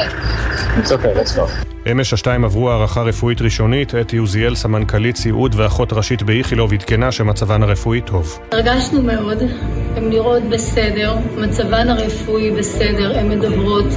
בתחילה ישר הורדנו אותן והבאנו אותן לבני המשפחה שלהם. היה מפגש מאוד מאוד מרגש. הממונה על החטופים והנעדרים גל הירש אומר כי ישראל תמשיך לפעול להשבת כל החטופים ללא כל הסתכלות על דרכון כזה או אחר. נשיא ארצות הברית ג'ו ביידן בירך הלילה על שחרור החטופות בשיחת טלפון נוספת עם ראש הממשלה נתניהו וחזר על מחויבותו להבטחת שחרורם של החטופים שנותרו ברצועה. צה"ל תקף הלילה מטרות בלבנון ובעזה. בגזרה הצפונית הותקפו תשתיות טרור של חיזבאללה, בהן מתחם צבאי ועמדת תצפית ששימשו את הארגון. ובעזה דיווחו על חידוש תקיפות צה"ל ברצועה. ברפיח נמסר על חמישה הרוגים בתקיפת מבנה מגורים. דיווחים דומים הגיעו גם ממחנה הפליטים משאטי בעזה ומהעיר ג'באליה. בכפר בורקה שבשומרון נפצע הלילה בינוני לוחם צה"ל במילואים ממטען מאולתר שנזרק לעברו. בוושינגטון מודאגים מהתוכנית הישראלית ללחימה ברצועת עזה, כך על פי דיווח בעיתון ניו יורק טיימס. על פי העיתון, בכירים בממשל ביידן אמרו שלישראל אין מטרות צבאיות ברות השגה ברצועה, וכי צה"ל עוד לא מוכן להיכנס קרקעית לעזה, כיוון שאין לו תוכנית שיכולה לעבוד. מנגד, הרמטכ"ל, רב-אלוף הרצי הלוי, הצהיר אמש, אנחנו מוכנים. תמרון בדרום מוכן בצורה טובה מאוד. פיקוד דרום העמיד תוכניות איכותיות, יש שיקולים טקטיים, אופרטיביים, אסטרטגיים, שנתנו עוד זמן, וכוחות שיש להם עוד זמן, מתכוננים טוב יותר. 18 ימים למלחמה ושאלת האחריות של הדרג המדיני עדיין צפה בשיח הציבורי. הנה שרת התחבורה מירי רגב מהליכוד אמש בריאיון לערוץ 14. אף מנהיג, אף ראש ממשלה לא יכול להחליף את אמ"ן ולא יכול להחליף את שב"כ ולא יכול להחליף את המוסד שהם באים לך עם המלצות מסוימות לגבי פעילות מסוימת. נשיא צרפת עמנואל מקרון יגיע הבוקר לישראל לביקור אה, הזדהות. הוא יפתח אותו בפגישה עם משפחות החטופים בעלי אזרחות צרפתית ועם אזרחים נוספים שנפגעו בטבח השבעה באוקטובר. לאחר מכן ייפגש בירושלים עם נשיא המדינה הרצוג, ראש הממשלה נתניהו, ראש האופוזיציה לפיד והשר בני גנץ. באחר הצהריים יעבור לרמאללה, שם הוא מתוכנן להיפגש עם יושב ראש הרשות הפלסטינית, אבו מאזן. מקרון מצטרף לרשימת המנהיגים הארוכה שהגיעו לביקורי תמיכה בישראל מתחילת המלחמה, בראשם כמובן נשיא ארצות הברית ג'ו ביידן. מיליציות הנתמכות בידי איראן קיבלו אחריות על תקיפת שלושה בסיסים אמריקנים בסוריה אמש באמצעות טילים ומל"טים. גדודי חיזבאללה בעיראק, מיליציה שיעית שהוקמה על ידי כוח קודס, קיבלה אחריות על תקיפת הבסיסים האמריקנים האלו עומר, עטנף ואשדדי, שבהם קידשה מאות חיילים אמריקנים. לא דווח על נפגעים. דובר המועצה לביטחון לאומי בבית הלבן, ג'ון קרבי, אמר אמש, איראן ממשיכה לתמוך בחמאס ובחיזבאללה ועוקבת מקרוב אחרי האירועים. ההרשמה לקבלת הפיצויים לתושבים שהתפנו עצמאית מהערים והיישובים בדרום ובעוטף עזה בכלל תיפתח בימים הקרובים. זאת לאחר שהממשלה אישרה אמש את מנגנון הפיצוי, שלפיו המדינה תשלם לכל מבוגר 200 שקל ליום ולכל ילד 100 שקלים ליום. האזרחים שייכללו במתווה הם אלה שבחרו להתפנות ללא סיוע הרשויות המקומיות או משרדי הממשלה, ואינם שוהים בבתי מלון. במקביל, מקורות ממשלתיים טוענים כי השר דודי אמסלם מסרב להעביר לתקציב המדינה את כספי הדיבידנדים של החברות הממשלתיות בסך 2 מיליארד שקלים, כדי שישמשו להוצאות המלחמה.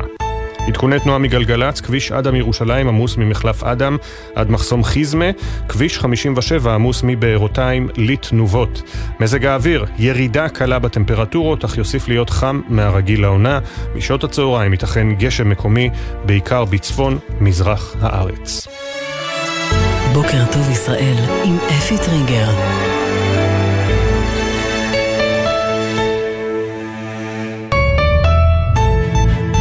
בוקר טוב ישראל, כמעט שבע ושש דקות. שתי משפחות נוספות זכו הלילה להתאחד עם יקירותיהן, שהיו שבויות אה, יותר משבועיים ברצועת עזה.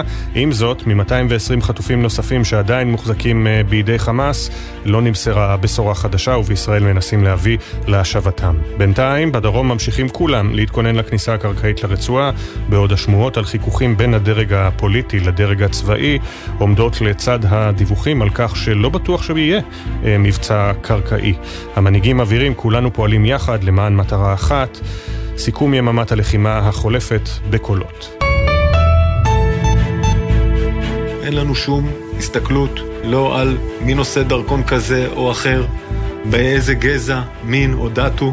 מה שמעניין אותנו זה להחזיר את החטופים הביתה. המשיכו להיערך להתקפה כי היא תגיע. אנחנו נערכים ביסודיות, זאת תהיה התקפה קטלנית, תתכוננו, אנחנו נפעיל אתכם. תמרון בדרום מוכן בצורה טובה מאוד. יש שיקולים טקטיים, אופרטיביים, אסטרטגיים, שנתנו עוד זמן, וכוחות שיש להם עוד זמן, מתכוננים טוב יותר. אנחנו פועלים יחד למטרה אחת, לחסל את החמאס. אנחנו מקבלים את ההחלטות פה אחד, באחריות רבה, אנחנו עושים את זה גם בחרדת קודש.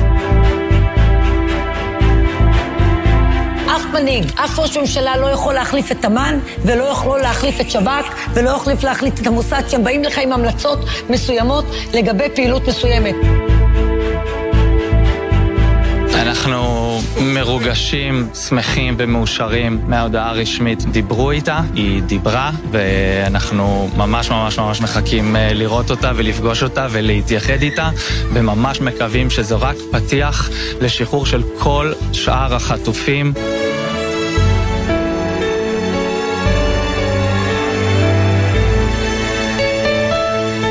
708.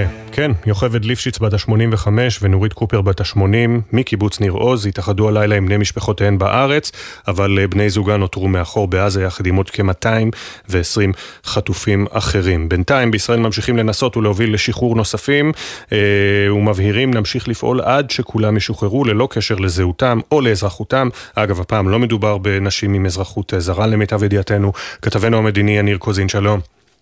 שלום שלום אה, אפי, כן, אז אנחנו אה, רואים עכשיו אה, ניסיונות נוספים של ישראל לנסות ולהוציא חטופים נוספים, אז כפי שציינת, יוכבד ליפשיץ ונורית קופר, ששוחררו אתמול במאמץ, צריך לומר, ישראלי, אמריקני, קטרי ומצרי, כלומר כל הגורמים הללו מעורבים בפנים. היו אה, דיווחים אתמול על כך שאו-טו-טו תהיה כאן עסקה של שחרור של 50 אה, אה, חטופים. העניין הזה לא בא לכדי מימוש פרסומים בוול סטריט ג'ורנל ובמקומות אחרים.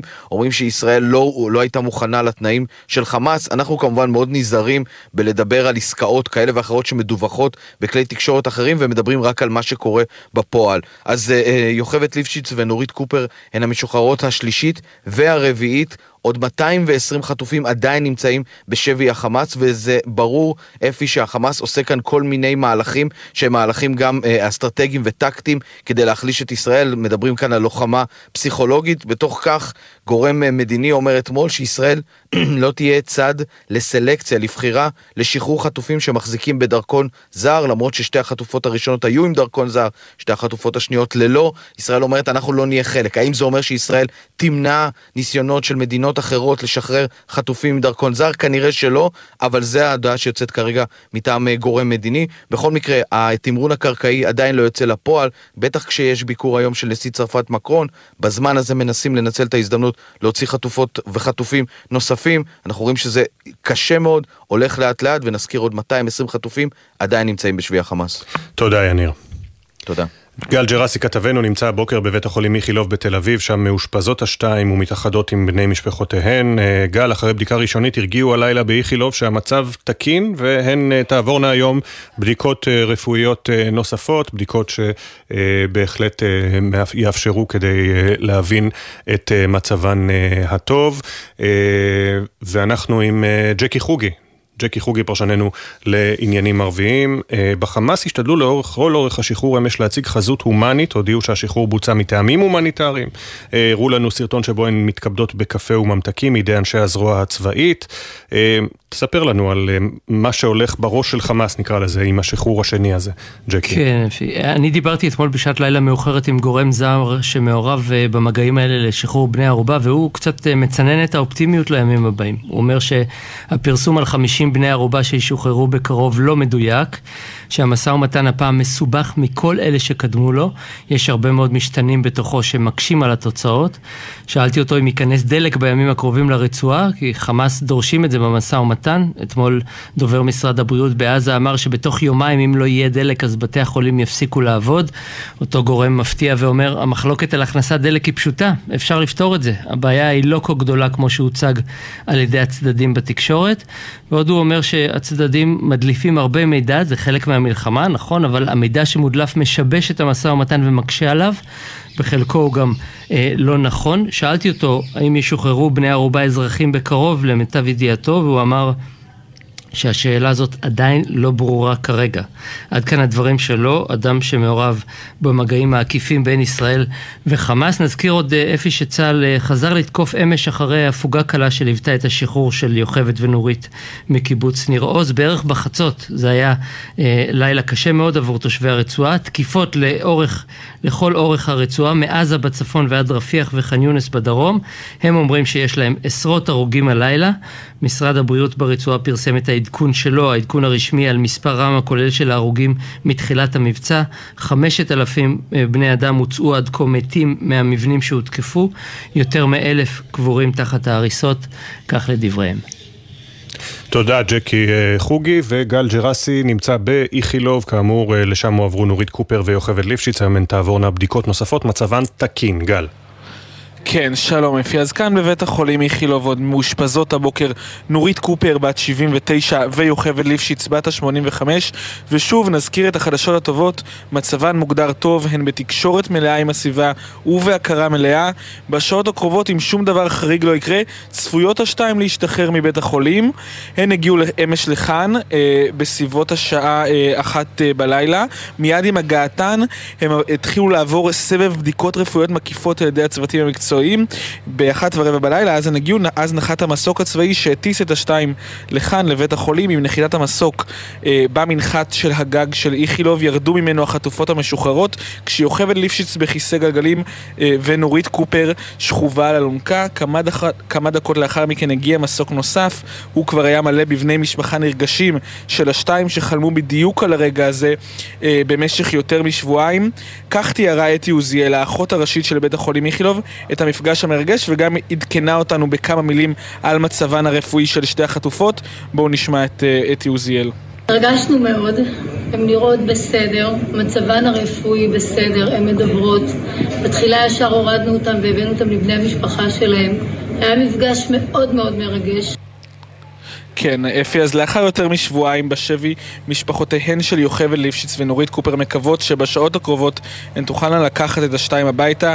כמובן, לא לבית בניר עוז, לשם לשם הן היו מקוות, אה, לשם הן היו מקוות לחזור, אבל לפחות למקום בו תוכל המשפחה סוף סוף להיות ביחד, ואיכשהו להתחיל את uh, תהליך השיקום הזה. כן, וגל, מה אתה רואה מסביבך? בני משפחה מתחילים uh, להגיע, לחבק את הסבתות? אנחנו רואים uh, שצוותי תקשורת מתחילים להיכנס, סוף סוף אנחנו כנראה נקבל אישור להיכנס פנימה ונוכל uh, קצת uh, לעדכן יותר על מה שקורה. עד עכשיו אנחנו כמובן, כי היינו במידור מוחלט ממה שקורה בפנים, ואנחנו מקווים שבזמן הקרוב נוכל uh, לחזור ולעדכן, ואולי גם לשוחח עם uh, בן משפחה. גל ג'רסי, בבית החולים איכילוב, תודה. נאמר שוב, מצבן של נורית קופר ויוכבד ליפשיץ אה, תקין, הן אה, עדיין נשארות להשגחה, להשגחה לילית והיום יעברו עוד בדיקות ואז יוכלו אה, בעזר, בתקווה לעבור לידי המשפחות אל, המקומות שעליהן הם התפנו. אנחנו רוצים לדבר עכשיו עם דובר הצלב האדום בישראל, סטפן ריין, על התפקיד של הצלב האדום במשבר חסר התקדים הזה. 220 אה, חטופים בעזה, אה, וכמובן גם טענות כלפי אה, אנשי הצלב האדום על כך שלא ניתנה להם האפשרות לגשת אל החטופים, אלא כשחמאס רצה לשחרר, ושחרר עד כה ארבע חטופות. סטפן ריין, spokesperson for uh, the Red Cross in Israel, hello and good morning. Good morning to you. What can you tell us about the involvement of the Red Cross in the release yesterday? Uh, well, last night we facilitated, the International Committee of the Red Cross facilitated the release of two more hostages, transporting them out of Gaza. We did this in our role as a neutral intermediary. And this neutral status is what makes our work possible, and we're keen to facilitate future releases. שאלתי את סטפן ריין על Just Translate, שאלתי אותו מה היה תפקיד הצלב האדום אתמול בשחרור, הוא אומר אנחנו בעצם טיווחנו והיסענו את החטופות מעזה אל מעבר רפיח המצרי, זה מתאפשר בזכות העובדה שאנחנו מתווך ניטרלי שלא נוקט צד בסכסוך הזה ובעצם הצדדים סומכים עליו, העובדה שאנחנו ניטרלים בעמדה שלנו מאפשרת לנו לייצר את ההעברה הזו. When we talk about the Red Cross, the Hamas uh, militants don't give your people, the Red Cross uh, people, uh, access, full access to the other hostages, right? At present, we have not been able to see or have access to the remaining hostages, but we have repeatedly requested this access. For us, the International Committee of the Red Cross, it's essential that we're able to meet with those who are kept as hostage, ensure that they have access to medical care, uh, are able to make contact with their loved ones, and first and foremost, that they are released.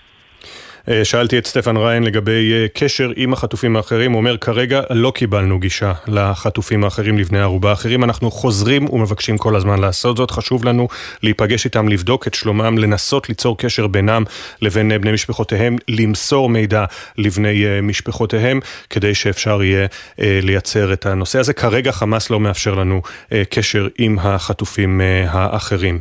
Many Israelis think that the Red Cross can do more for the Israeli hostages in Gaza. What do you tell uh, people who think that? The International Committee of the Red Cross is doing all that it is able to do in order to uh, find the release, seek the release uh, for these hostages. Our role is to act as a neutral intermediary between the parties. We are not involved directly in the negotiations. We do not choose who is released and when. But what we do is to continue to remind those that are holding אוקיי, סטפן ריין קצת נעלם לנו מהקו, בינתיים אני, אני את, אתרגם את מה שהוא אמר. אנחנו, שאלתי אותו לגבי העובדה שיש גורמים בישראל שחושבים שהצלב האדום יכול לעשות יותר. הוא אומר, אנחנו עושים כל שביכולתנו, הצלב האדום הבינלאומי עושה כל שביכולתנו כדי להגיע לשחרור.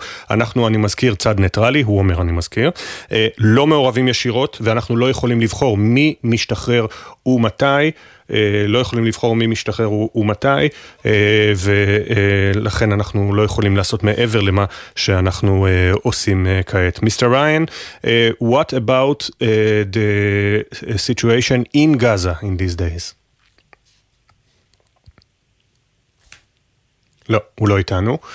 סטפן ריין, דובר הצלב האדום בישראל, חשבנו שהוא חזר אלינו אל הקו. בינתיים, כאמור, נאמר, נסכם את הדברים שלו. הוא אומר לנו, אנחנו מתווך ניטרלי, וזה מה שמאפשר לנו להסיע אתמול את החטופות, את יוכבד ליפשיץ ונורית קופר, בחזרה למעבר רפיח המצרי ומשם לישראל. אין לנו שליטה, אנחנו לא יכולים להגיד לחמאס את מי לשחרר ומתי. כמובן שהיינו רוצים לקבל גישה לכל החטופים.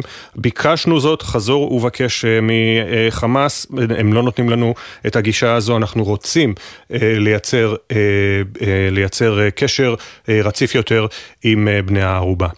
Is there, are there any uh, contacts, are there negotiations to release uh, more hostages as far as you know, Mr. Ryan? The, the the negotiations that are happening are between different parties that are involved in this uh, situation, uh, including with Hamas. The ICRC has engaged with leadership of Hamas to remind them of their responsibilities towards treating the hostages humanely, ensuring they have access to medical care, ensuring that they have contact with their families, and first and foremost, that they must be released and that the taking of hostages is illegal under international humanitarian law.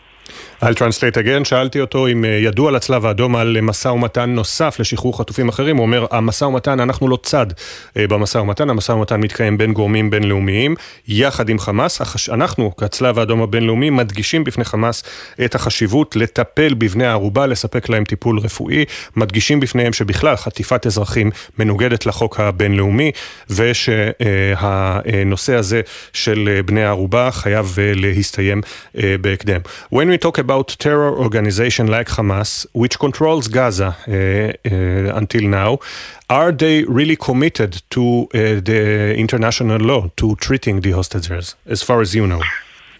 Well, this is why the International Committee of the Red Cross, a particular part of the International Red Cross and Red Crescent movement, fully neutral and impartial, always engages with all parties to all conflicts anywhere in the world. We do this so that we can uh, that we can gain the trust of these parties that they understand that we're not part of this fight.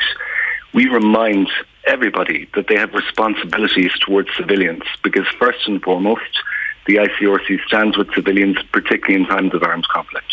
שאלתי את מר ריין, דובר הצלב האדום בישראל, האם אפשר לסמוך על חמאס כארגון טרור שימלא אחר החוק הבינלאומי וידאג לשלומם של החטופים? הוא אומר, פה בדיוק החשיבות שלנו, של הצלב האדום הבינלאומי, כארגון ניטרלי. אנחנו עוסקים בנושאים הללו בכל העולם. כל, בכל העולם מאמינים ויודעים שאנחנו ארגון ניטרלי שלא לוקח צד בסכסוך, מה שמאפשר לנו גישה גם אל מקומות כמו שלטון חמאס וגם להבהיר להם את התפקיד שלהם. בנושא הזה. Uh, what can you tell us about the situation in the Gaza Strip, in Gaza City, in the last days? Well, without doubt, humanitarian need continues. There are many people, that civilians, that are in need of humanitarian assistance. The ICRC, the International Committee of the Red Cross, uh, has teams ready to enter Gaza. We also have uh, medical items ready to enter Gaza, and our focus, our commitment, is to ensure that these teams and these emergency relief items, which are much needed, are focused on providing assistance to civilians who have been affected by this conflict. And you are waiting Israeli confirmation to get into Gaza? The access to Gaza is something that's involved between a range of different parties. This is why it's extremely difficult and complicated. But what I can assure you is that the ICRC is ready to provide aid to assistance anywhere they're affected by conflict once we have access. Stefan Ryan, uh, spokesman for the Red Cross in Israel, thank you very much for taking the time to speak with us. Thank you. השאלה האחרונה שלי הייתה לגבי המצב בעזה, והוא אומר לנו, סטפן ריין, הדובר של הצבא האדום בארץ, יש צורך חשוב בכניסת הצוותים שלנו לעזה, יש שם אזרחים במצב קשה מאוד, יש צורך בסיוע הומניטרי, צוותים, כולל צוותי רפואה, מוכנים להיכנס. כששאלתי אותו האם זה תלוי רק באישור ישראלי, הוא אומר זה כמובן עניין בינלאומי מורכב מאוד, כיוון שזה לא רק עניין של שישראל תאפשר לצלב אדום להיכנס, אלא גם אנשי חמאס ואנשים ממצרים. הראיון עם סטפן ריין, דובר הצלב האדום בישראל. ועכשיו אנחנו אומרים בוקר טוב לגדי עמיחי, אחיינה של יוכבד ליפשיץ, שלום גדי. בוקר טוב, בוקר טוב. שומעים את החיוך והשמחה וגם מנחת הרווחה בקול שלך. נכון, זה הנחת רווחה גדולה מאוד, וזה שמחה גדולה מאוד, וזה אדיר אדיר, אבל בצד של זה יש עדיין את הדאגה והעצב גם על הדוד שלי שעדיין נמצא בשבי של החמאס ואיתו עוד 208 אנשים, ילדים ותינוקות ואנחנו חייבים, חייבים לעשות הכל בשביל שהם יחזרו אלינו. הספקת לדבר עם יוכבד מאז שהגיע? אני לא הספקתי לדבר, אבל ככה שמענו קצת עדכונים מהקבוצה ב... של המשפחה, ובעיקר בעיקר תמונות מאוד מרגשות שיש שם עם הבנים, ושהפגישה, ולפעמים תמונה היא אלף מילים. כמובן. מה אתה יכול לספר לנו עליה ועל עודד שעדיין נשאר מאחור בשבי חמאס?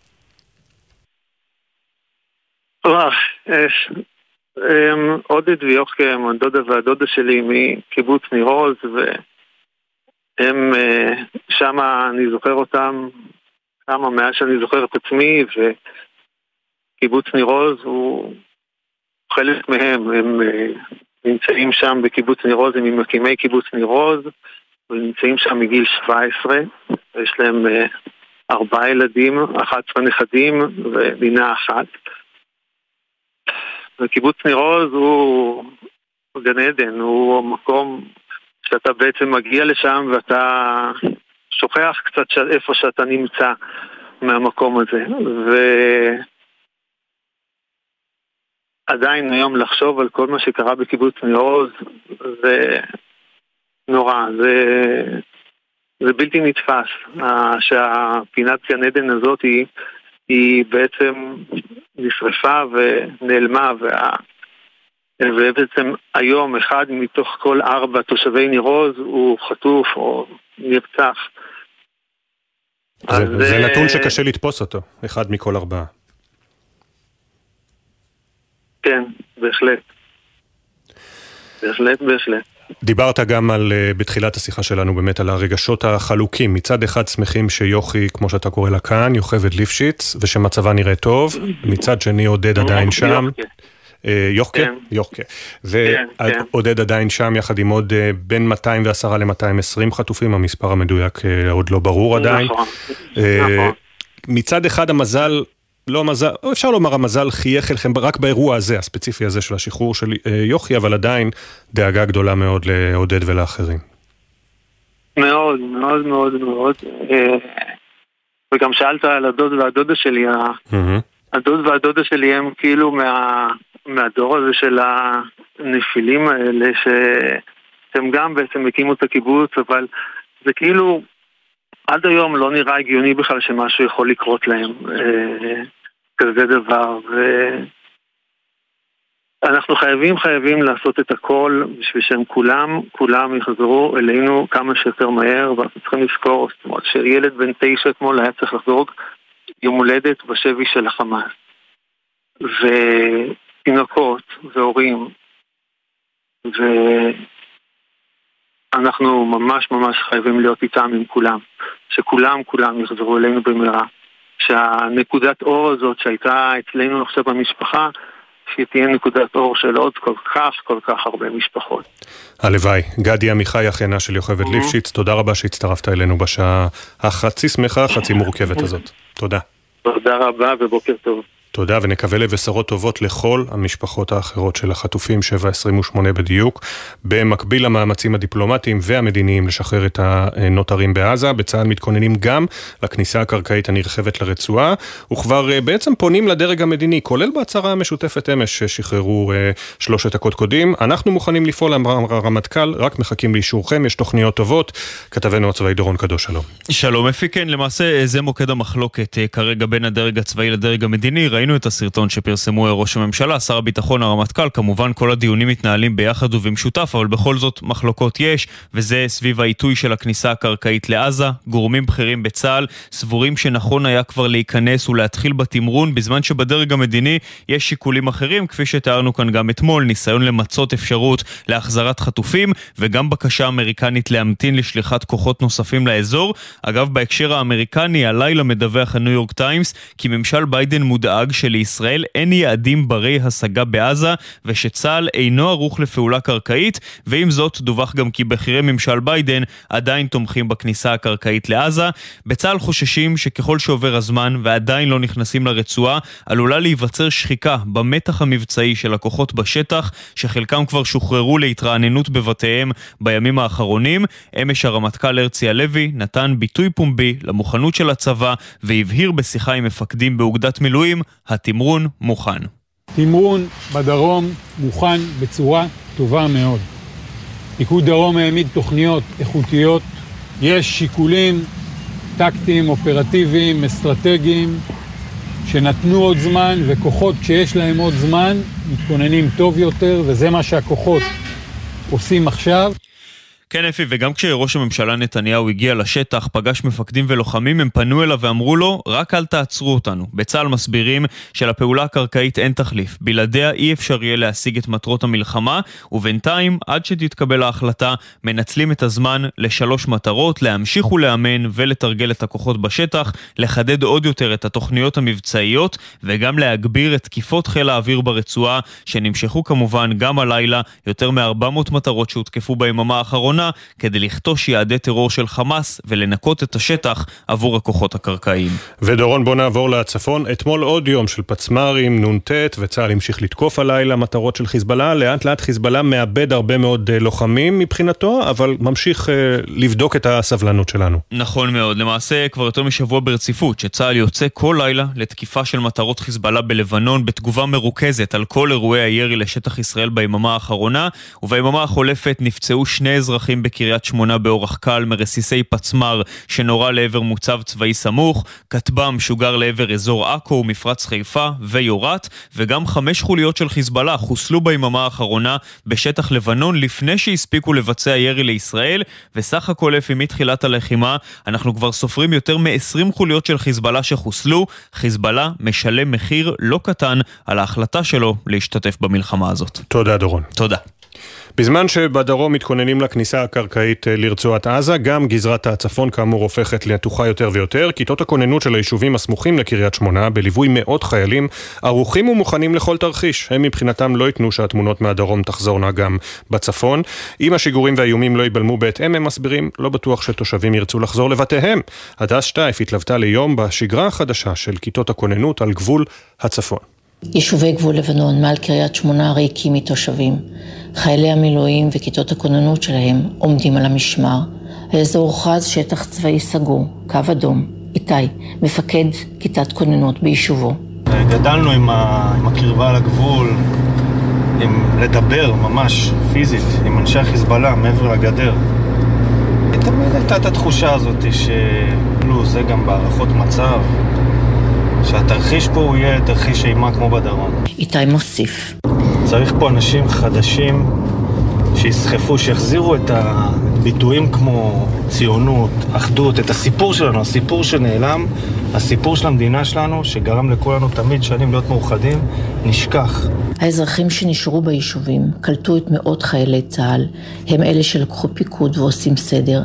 הם מארגנים את הכוחות, דואגים לכל מחזורם, צרכיהם, אבל יודעים, ככל שהזמן עובר, החשש משאננות גובר. אנשים מתחילים אה, להיכנס לשאננות, הלחץ קצת יורד. נכון שפעם באיזה בום אחד כזה מעיר את כולם, אבל עדיין, לא, אנשים, גם אם יש בומים, אם היית פה, ב... רוצה לחיות פה קצת בהפגזות או כל מיני דברים שיש פה בסביבה, ולא המון כרגע, אז גם אנשים ממשיכים להיות על התשעים. הגדר, כולם יודעים מזמן, לא מרתיעה איש. הגדר היא לא משהו רלוונטי, הגדר היא פיקטיבית. זה משהו שנמצא כפס ונותן לנו ביטחון שהוא לא קיים. ביטחון מה שאנחנו צריכים להשריש זה מה שאנחנו צריכים לקדם קדימה. זה לא משנה אם זה שלוש קילומטר שאף אחד, שכולם ידעו שאף אחד לא מתקרב לגדר, חמש קילומטר זה לא משנה מה נבחר. שידעו שהגדר הזאת, אם היא קיימת או אם היא לא קיימת, אף אחד לא מגיע אליה, אף אחד לא חוצה אותה. המסר הוא אחד, אם לא יהיה ביטחון, התושבים לא יחזרו ליישובים. הרבה מאוד אנשים אומרים כמו שהם לא רוצים לחזור, לא רק ברמות, כל הגזרה. אנשים מפחדים, זה סוג של בעיה. אם כל החיים חיינו פה באשליה, שאנחנו הכיתות כוננות, והצבא, מעט כוחות שיש פה, שדוללו לאורך השנים, אז שמחנו על האמצעים האלקטרוניים, שמחנו על מה שהצבא אמר, אבל אחרי הטרגדיה הזאת בדרום, פה אנשים אה, ממש באמוק. גבול לבנון.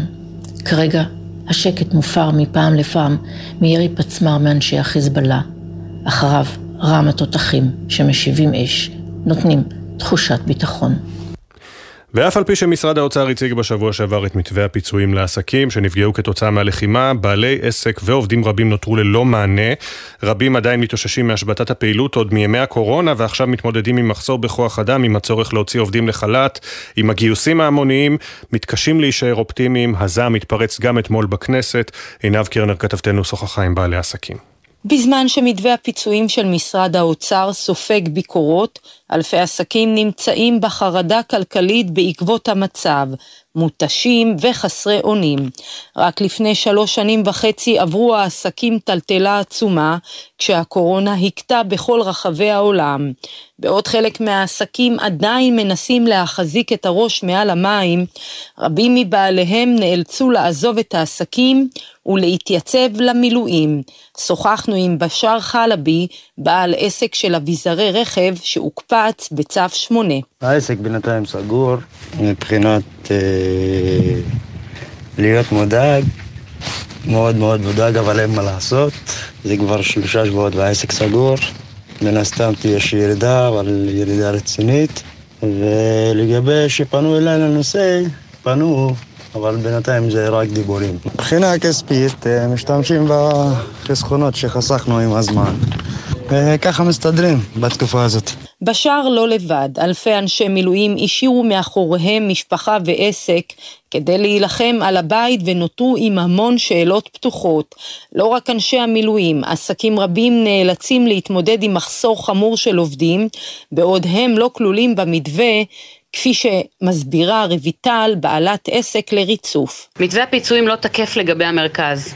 אין לנו שום מושג לגבי ענף הבנייה. אה, אם בקורונה דאגו לנו חלקית, היום זה לא הוזכר בכלל במתווה. אנחנו רוצים לצאת לעבודה, יש עבודה, אין את האפשרות. גם אין עובדים וגם אה, אתרי הבנייה סגורים, לא מוכנים להכניס פועלים. אנחנו מקווים עכשיו שנגייס אה, פועלים יהודים, אז יהיה לנו הרבה יותר קל. הזמן שחולף מעצים את חוסר הוודאות של עשרות אלפי העסקים, שרבים מהם מרגישים שנותרו ללא פתרון משמעותי. תודה עינב. עכשיו כמעט 7.37 הכותרות. יוכבד ליפשיץ ונורית קופר ששוחררו אמש מהשבי בעזה מאושפזות הבוקר במצב תקין בבית החולים איכילוב בתל אביב. יוכבד בת 85 ונורית בת 80 שוחררו מסיבות הומניטריות כהגדרת חמאס. כך נשמע אמש יוכבד בסרטון שפרסם הארגון. יוכבד ליפשיץ, בת כמה לי? 85. It's okay, let's go. גדי עמיחי, אחינה של יוכבד, שיתף בבוקר טוב ישראל על הרגשות המעורבים לאחר שחרור דודתו. זה הנחת רווחה גדולה מאוד, וזו שמחה גדולה מאוד, אבל בצד של זה יש עדיין את הדאגה והעצב גם על הדוד שלי, שעדיין נמצא בשבי של החמאס. אנחנו חייבים לעשות הכל בשביל שהם יחזרו אלינו. סטפן ריין, דובר הצלב האדום בישראל, אמר בריאיון לבוקר טוב ישראל, יכולנו לסייע בשחרור כי כולם סומכים עלינו. Last night we facilitated the release of two more hostages, transporting them out of Gaza. We did this in our role as a neutral intermediary. And this neutral status is what makes our work possible, and we're keen to facilitate future releases. אמש אה, הוצאנו לפועל את השחרור של שתי חטופות נוספות והוצאנו אותן מעזה, עשינו את זה כגוף ניטרלי והמצב הזה שלנו, שכולם יודעים שאנחנו ניטרלים, מסייע לנו אה, לבצע את השחרור הזה ואנחנו רוצים כמובן לבצע שחרורים נוספים, כך דובר הצלב האדום בישראל. גל הירש, הממונה על החטופים והנעדרים, הבהיר לאחר השחרור, ישראל תמשיך לפעול למען השבת כל החטופים, ללא כל הסתכלות על דרכון כזה או אחר. צה"ל תקף ביממה האחרונה יותר מ-400 מטרות צבאיות ברצועת עזה וחיסל מספר מפקדי חמאס. על פי הודעת דובר צה"ל, מטוסי קרב תקפו עשרות תשתיות ונקודות כינוס שונות של הארגון. הכוחות חיסלו פעילי חמאס חמושים שנערכו לבצע ירי רקטי ופעולות נוספות לעבר העורף הישראלי. בנוסף, כלי טיס של צה"ל הרס פיר מנהרה מבצעי שאפשר למחבלים גישה מהירה לחוף. בוושינגטון מודאגים מהתוכנית הישראלית ללחימה ברצועת עזה, כך על פי דיווח בניו יורק טיימס. על פי העיתון, בכירים בממשל ביידן אמרו כי לישראל אין מטרות מטרות צבאיות בנות השגה ברצועה, וכי צה"ל עוד לא מוכן למבצע קרקעי כיוון שאין לו תוכנית שיכולה לעבוד. נשיא צרפת עמנואל מקרו הגיע לפני שעה קלה לביקור הזדהות רשמי בארץ. מקרו אה, ייפגש עם משפחות החטופים בעלי האזרחות הצרפתית ועם אזרחים נוספים שנפגעו באירועי 7 באוקטובר. לאחר מכן ייפגש בירושלים עם נשיא המדינה, ראש הממשלה, ראש האופוזיציה והשר בני גנץ. אחר הצהריים יעבור אה, מקרון לרמאללה, שם ייוועד עם יושב ראש הרשות הפלסטינית אבו מאזן.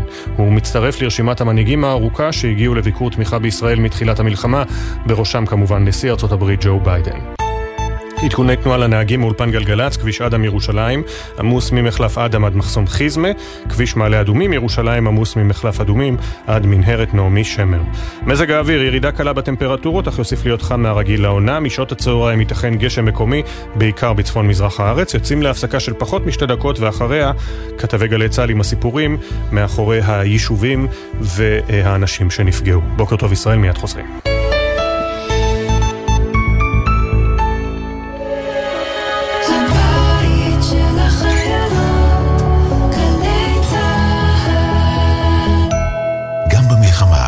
משרד התחבורה מחברים את ישראל. אנו ממשיכים להפעיל את שירותי התחבורה באוויר, בים וביבשה כדי לתמוך במערך הלחימה ולאפשר המשך רציפות תפקודית במשק הישראלי על פי הנחיות פיקוד העורף ומשרד הביטחון. אנו זמינים במוקד המידע ופועלים כדי להעניק את השירות המיטבי בשעת מלחמה. כמו בבית, גם בדרכים נשמעים להנחיות פיקוד העורף. נעבור את הדרך הזאת יחד. מידע באתר משרד התחבורה והבטיחות בדרכים ובטלפון כוכבית 4515. יחד ננצח. בימים קשים אלו, משרד הרווחה איתכם, באמצעות מערך ליווי ותמיכה של אלפי עובדות ועובדים סוציאליים. אתם לא לבד. משרד הרווחה והביטחון החברתי בשבילכם במחלקות לשירותים חברתיים ברחבי הארץ ובמוקד 118 24 שעות ביממה.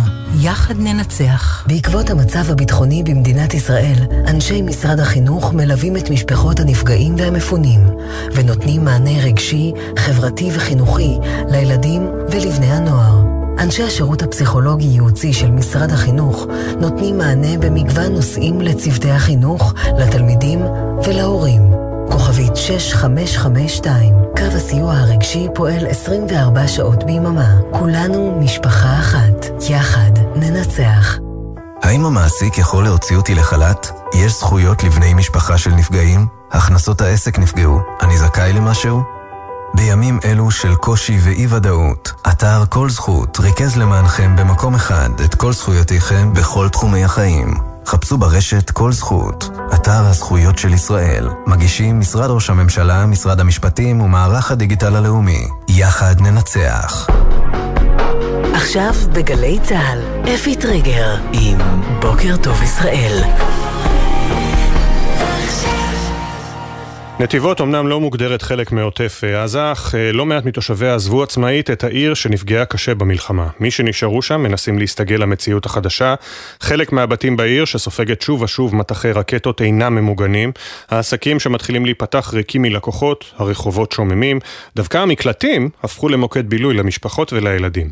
על הניסיונות של נתיבות להתרגל לשגרת מלחמה, הכתבה של נועה ברנס. הרחובות בנתיבות ריקים מאדם, מדי פעם אפשר לראות רכב מנופץ ושבור שנפגע מרסיסים, מבנה שקרס, אבל אנשים כמעט ולא מסתובבים בחוץ.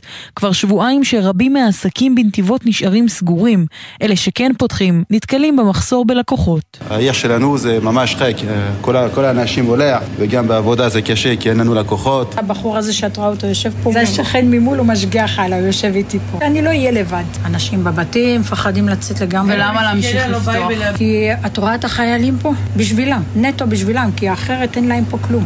אנחנו היחידים פה באזור, כן. אז אנחנו פה נטו בשבילהם. כי לקוחות פרטיים אין. שוש אלול, שמנהלת את הקיוסק במרכז המסחרי בעיר, לא רצתה להישאר לבדה. בעל העסק השכן, מומו אלון, שמנהל את הפיצריה במרכז, מתמקד גם הוא במטרה החדשה, לתת מענה לחיילים שהתייצבו באזור. העסק שלנו בירידה. אנחנו לא פה בשביל להתפרנס, כי אני מחזיק פה גבינות בכמות, גבינות לפיצות. אם אני לא אופה את זה, אז זה הולך לפח. אז זה מעדיף שהחיילים יבואו לאכול פה. לתושבי נתיבות יש 30 שניות בלבד להגיע למרחב המוגן. בימים האחרונים ספגו נפילות, ולא לכולם יש איך להתמגן בבית. התושבים מבקשים הכרה, להיחשב חלק מעוטף עזה, ולקבל סיוע בהתאם. אצלי אישית הבית לא ממוגן. מה עושים?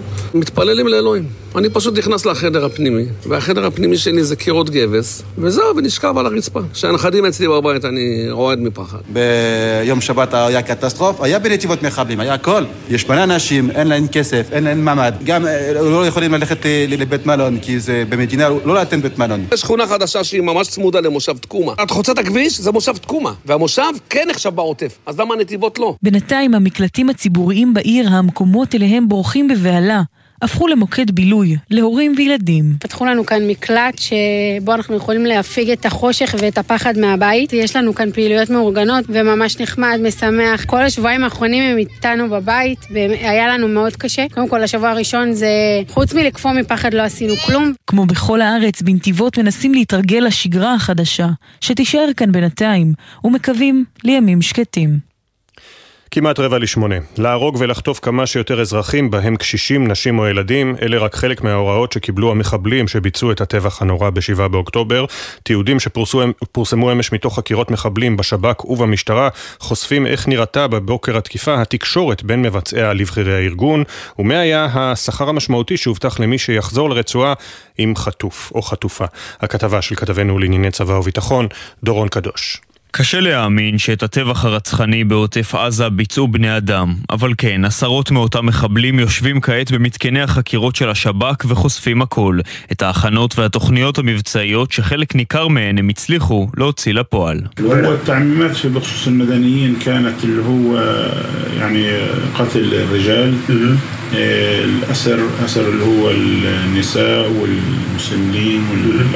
ההורות לגבי האזרחים היו הריגת גברים ושביית נשים, קשישים וילדים. כך סיפר ג'יהאד חמיידה, מפקד מחלקה בכוח הנוח'בה של חמאס לחוקריו.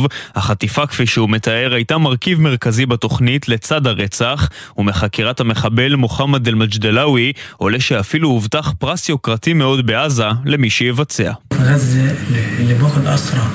له له مكافأة قديش المكافأة قالوا لكم؟ طول شقة منزل بيت 10000 دولار مين قال لكم اياها هاي؟ كانوا يحكوها في القسام يعني بدهم ياخذوا اقدار ممكن الاسرى فهم هدفهم من الدخول اصلا انهم ياخذوا اسرى. בעזה מי שמביא שבויים מקבל מענק, דירה ועשרת אלפים דולר, סיפר המחבל והוסיף. ככה זה עבד בגדודי אל-קסאם, הם רצו שבויים כמה שיותר, זו הייתה המטרה. מחבלי החמאס כבר לא יקבלו דירה, בטח שלא אלפי דולרים, גם את הדירות שהיו להם חיל האוויר החריב מהיסוד, רבים מהם ישבו מול החוקרים והודו, הנהגת החמאס רימתה אותנו. هنية أبو خالد وانت بتقول هدول دمروا دمروا غزة في ايش دمروا غزة؟ في كل هاي انت شايف ضايل غزة لا دمرت يعني غزة مين اللي دمرها؟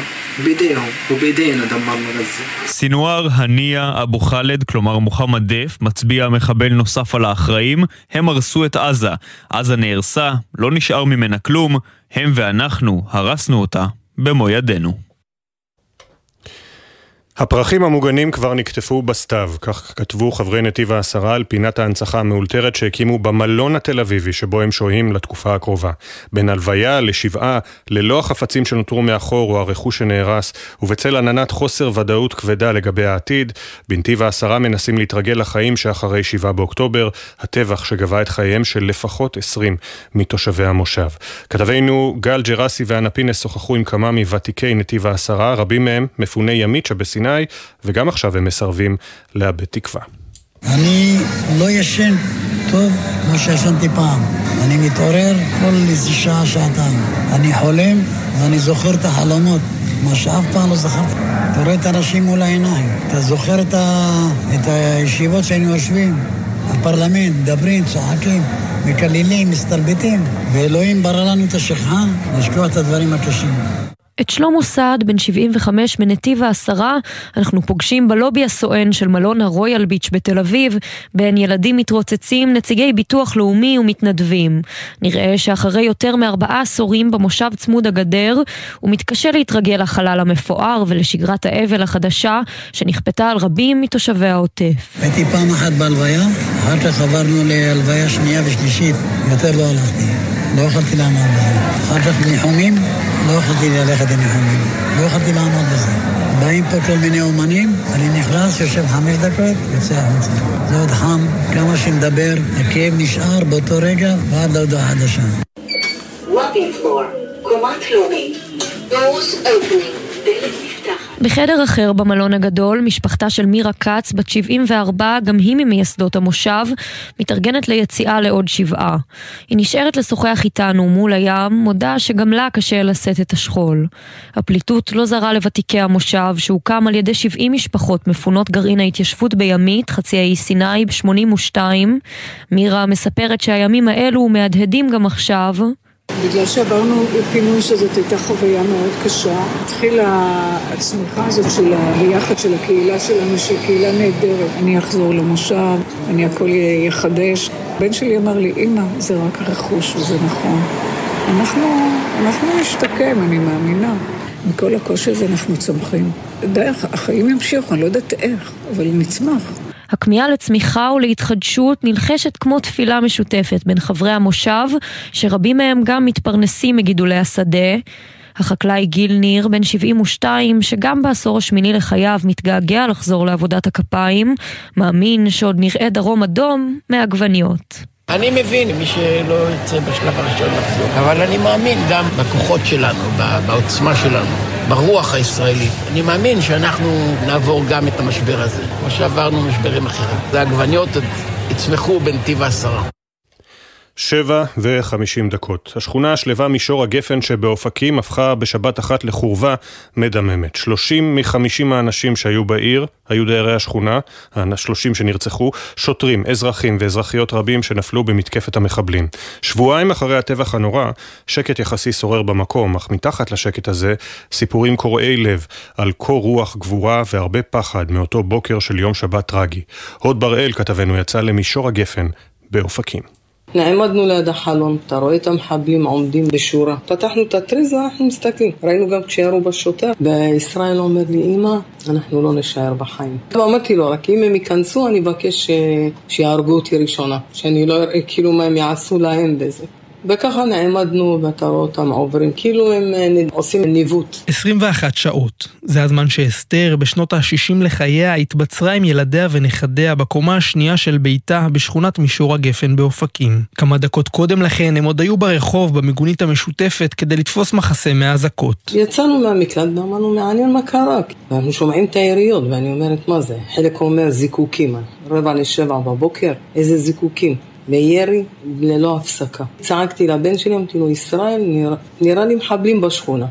ופתאום שמעתי קולות בערבית. אחד אומר לשני, תעל, תעל. נכנסנו לבית, סגרנו את הדלת. והכניסה הזריזה הזו לביתה הצילה את חייה. שני בתים לידה נמצא הבית של רחל אדרי, שהוחזקה כבת ערובה עם בעלה דוד במשך 17 שעות. לדברי אסתר, ההתבצרות הזו בביתה ממה שמנעה מהרוצחים להמשיך במסע הרצח בשכונה. השכן פה ממול, שגר ליד המיגונית, יצא לפתוח את המיגונית, הם קלטו אותו אז הם דילגו על הבית שלי, אז הם ירו בו. ואז מהבית שלי הם המשיכו. והם התבצרו בבית של רחל דוד. שם כנראה אלוהים הציל אותנו. כשהם נכנסו לבית, וכבר היו שוטרים שהגיעו. מודעות אבל ונרות זיכרון לצד מכוניות שבורות וחורי ירי נמצאים בכל מקום בשכונה. את האמון ותחושת הביטחון יהיה קשה מאוד להחזיר לתושבי שכונת מישור הגפן באופקים. מרים לוי, תושבת ותיקה בשכונה שעובדת בעוטף עזה וניצלה בנס לאחר שכמה משכניה נרצחו, משתפת. הביטחון שלנו כבר זה לא אותו ביטחון. אני חיה פה 58 שנה, מאז שנולדתי לא קרה דבר כזה, הבתים שלנו פתוחים, הדלתות פתוחות, הכל פתוח, משאירים פתוח. אפילו שתיים שלוש לפנות בוקר משאירים פתוח. עכשיו אנחנו במצב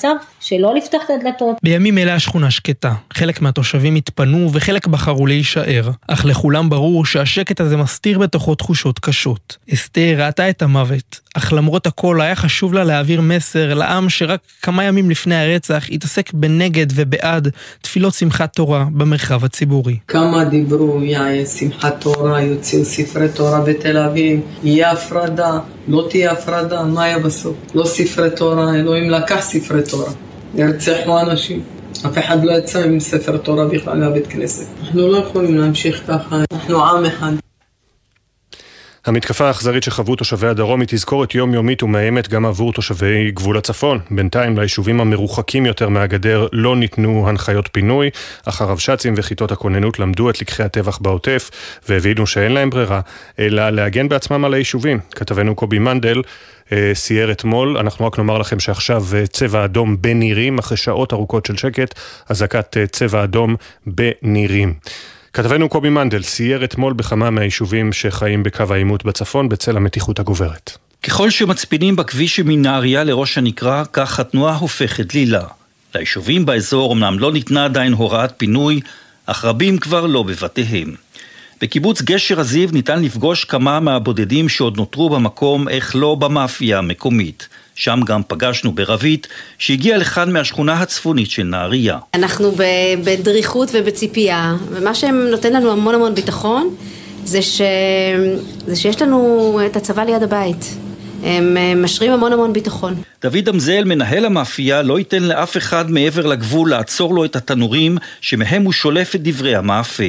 אבל גם אותו מעסיקה השאלה, האם מה שאירע בדרום עלול לקרות גם בצפון. אני חושב שהסבירות שזה יקרה פה עכשיו, עם כל הצבא, שהוא בכוננות על, סבירות נמוכה מאוד. ממש ממול לגשר הזיו עדיין מתנוסס לו השלט, ממש כמו פעם שלט המבשר שהגענו למדינת אכזיב. המדינה שהקים אלי אביבי בתחילת שנות ה-70, מדינה שהפכה מוקד בילוי לילדי פרחים ולסלבס מהארץ ומהעולם. באחד הלילות, כך מספרים לפני לא מעט שנים, חדרו שישה מחבלים למדינה הצפונית של אכזיב, כמה נתפסו, כמה חוסלו וכמה נמלטו. לפני יותר מחמש שנים, אלי אביבי הלך לעולמו ורינה אלמנתו נותרה לשמור על המקום אפילו בימים שכאלה. לצערי מאותו יום אף אחד לא עבר מלבד צבא שיש לי פה, אני מנסה לדאוג לעצמי. גוסטבו שוחמן, הרבש"ץ בשבי ציון, לא שוכח ולו לרגע את מה שעבר על הרבש"צים ועל חברי כיתות הכוננות ביישובי העוטף. הבנו שאנחנו צריכים אה, למגן בעצמנו את המושב ו... כותת הכוננות וכל האזרחים מתארגנים בהתאם, ושחל עלינו את האחריות אה, לשמור על עצמנו פה. ורינה אביבי אומנם לבד במדינתה הבודדה כיום, אבל היא דבקה במתכון הפרטי שלה לשמור על רוגע גם בימים קשים שכאלה. אני לא חושבת על זה, לא רואה חדשות. חיה את חיי. ממש עכשיו אנחנו רואים את אה, נשיא צרפת עמנואל מקרון יורד אה, בחבש המטוס, המטוס הצרפתי שהביא אותו אל אה, ישראל לביקור ההזדהות, מקבל אותו אני מניח מנכ"ל משרד החוץ, ומקרון ייפגש היום עם אה, הרצוג, נתניהו, לפיד וגם עם השר בני גנץ, חבר קבינט המלחמה המצומצם, וכמובן גם עם בני משפחות החטופים והנעדרים. נשיא צרפת עמנואל מקרו בישראל. מאוחר יותר אגב הוא גם יעבור לרשות להיפגש עם אבו מאזן. הנה אה, שורת לחיצות הידיים ממש עכשיו. ונזכיר לפני אה, דקה וחצי אזעקה בנירים, צבע אדום בנירים, אחרי 11 שעות של שקט בעוטף.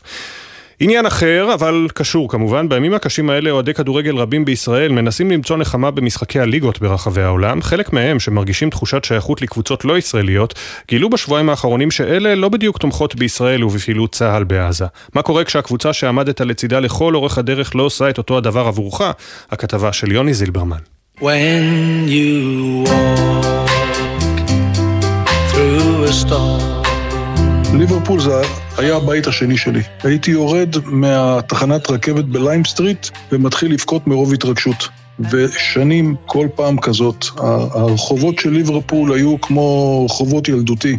זה הבית שלי. רון קשת אוהד ליברפול כבר 50 שנה. לפחות העד עד השבת האחרונה, אז החליטה הקבוצה להסיר דגל לזכרם של ארבעה נרצחים ישראלים מאירועי 7 באוקטובר במהלך משחק נגד היריבה העירונית אברטון. מחווה כזו פשוטה הם לא מסוגלים לתת, אז פשוט לא מגיע למועדים כמונו. בשבילי לעזוב את ליברפול זה כאילו לקחת לי יד, וזה קשה מאוד, אבל אדם של בני עמי הרבה יותר סמיך מאשר בירה בליברפול. ליברפול אינה לבדה במוקד הסערה, מלבד צ'לסי וקריסטל פאלאס, מועדוני הליגה האנגלית בחרו ללכת בין הטיפות ולא לגנות את הטבח שביצע חמאס. ביום שבת פגשה ארסנל את צ'לסי במסגרת הדרבי הלונדוני. לדניאל, אוהד ארסנל מילדות, היה קשה לראות את קבוצתו משיגה את שער השוויון בדקות הסיום. הרגשתי לא נעים עם זה שאני שמח. אני משער שזה כמשהו נסדק. ארסנל היא סמל, ארסנל זה משהו אחר. זה הכדורגל, זה לא הקבוצה שמנהלת את הכדורגל. קשה לי איתה, היא פגעה בי עכשיו, זה חלק ממני, וכנראה למרות הכעס הנוראי, כנראה שזה יישאר ככה. הקבוצה שכנראה הכי אכזבה את אוהדיה היא טוטנאם, זו שמזוהה עם יהודי לונדון, לה יושב ראש יהודי, ובמדיה משחק שחקן נבחרת ישראל מנור סולומון. היא בחרה לא לעמוד לצד ישראל. אוהד ארידן, ראש ארגון האוהדים של טוטנאם בישראל, מודה כי בעיניו זו לא פחות מבגידה. יש אכזבה מאוד מאוד גדולה. אה, יש ממש תחושה של אה, בגידה, ואני מאוד מנסה להסתכל על זה, לנתק רגע את הרגע שלי מהמועדון, ומאוד מנסה להסתכל על זה כמשהו פוליטי, שלצערי גם המועדון שלנו חטא בו. יש תמיכה מאוד גדולה בקרב האוהדים של טוטנאם, יש גם הרבה מאוד אוהדים יהודים, ובסופו של דבר, המועדון זה קודם כל האוהדים. לפני כל משחק בית בליברפול נשבעים האוהדים כי לעולם לא ישאירו את קבוצתם לבדה. אבל לפחות בצד השני של המשוואה, נדמה כי המועדונים באנגליה שכחו לא מעט מאוהדיהם. דקה לשמונה אנחנו מסיימים את המשדר שלנו, העורך הראשי של בוקר טוב ישראל הוא שרון קינן, עורכת המשנה יולי אמיר. המפיקה הראשית של בוקר טוב ישראל היא אורי שילה, לצידה מאי נבון, על הביצוע הטכני בן שני, בפיקוח הטכני אילן גביש, עורך הדיגיטל יוסי ריס, תודה גם למשה טורקיה, אחרינו ספי עובדיה ויניר אה, קוזין. אה, אנחנו ניפגש פה שוב במחר, יום רביעי, שש בבוקר, עוד יבואו ימים טובים יותר. בוקר טוב ישראל.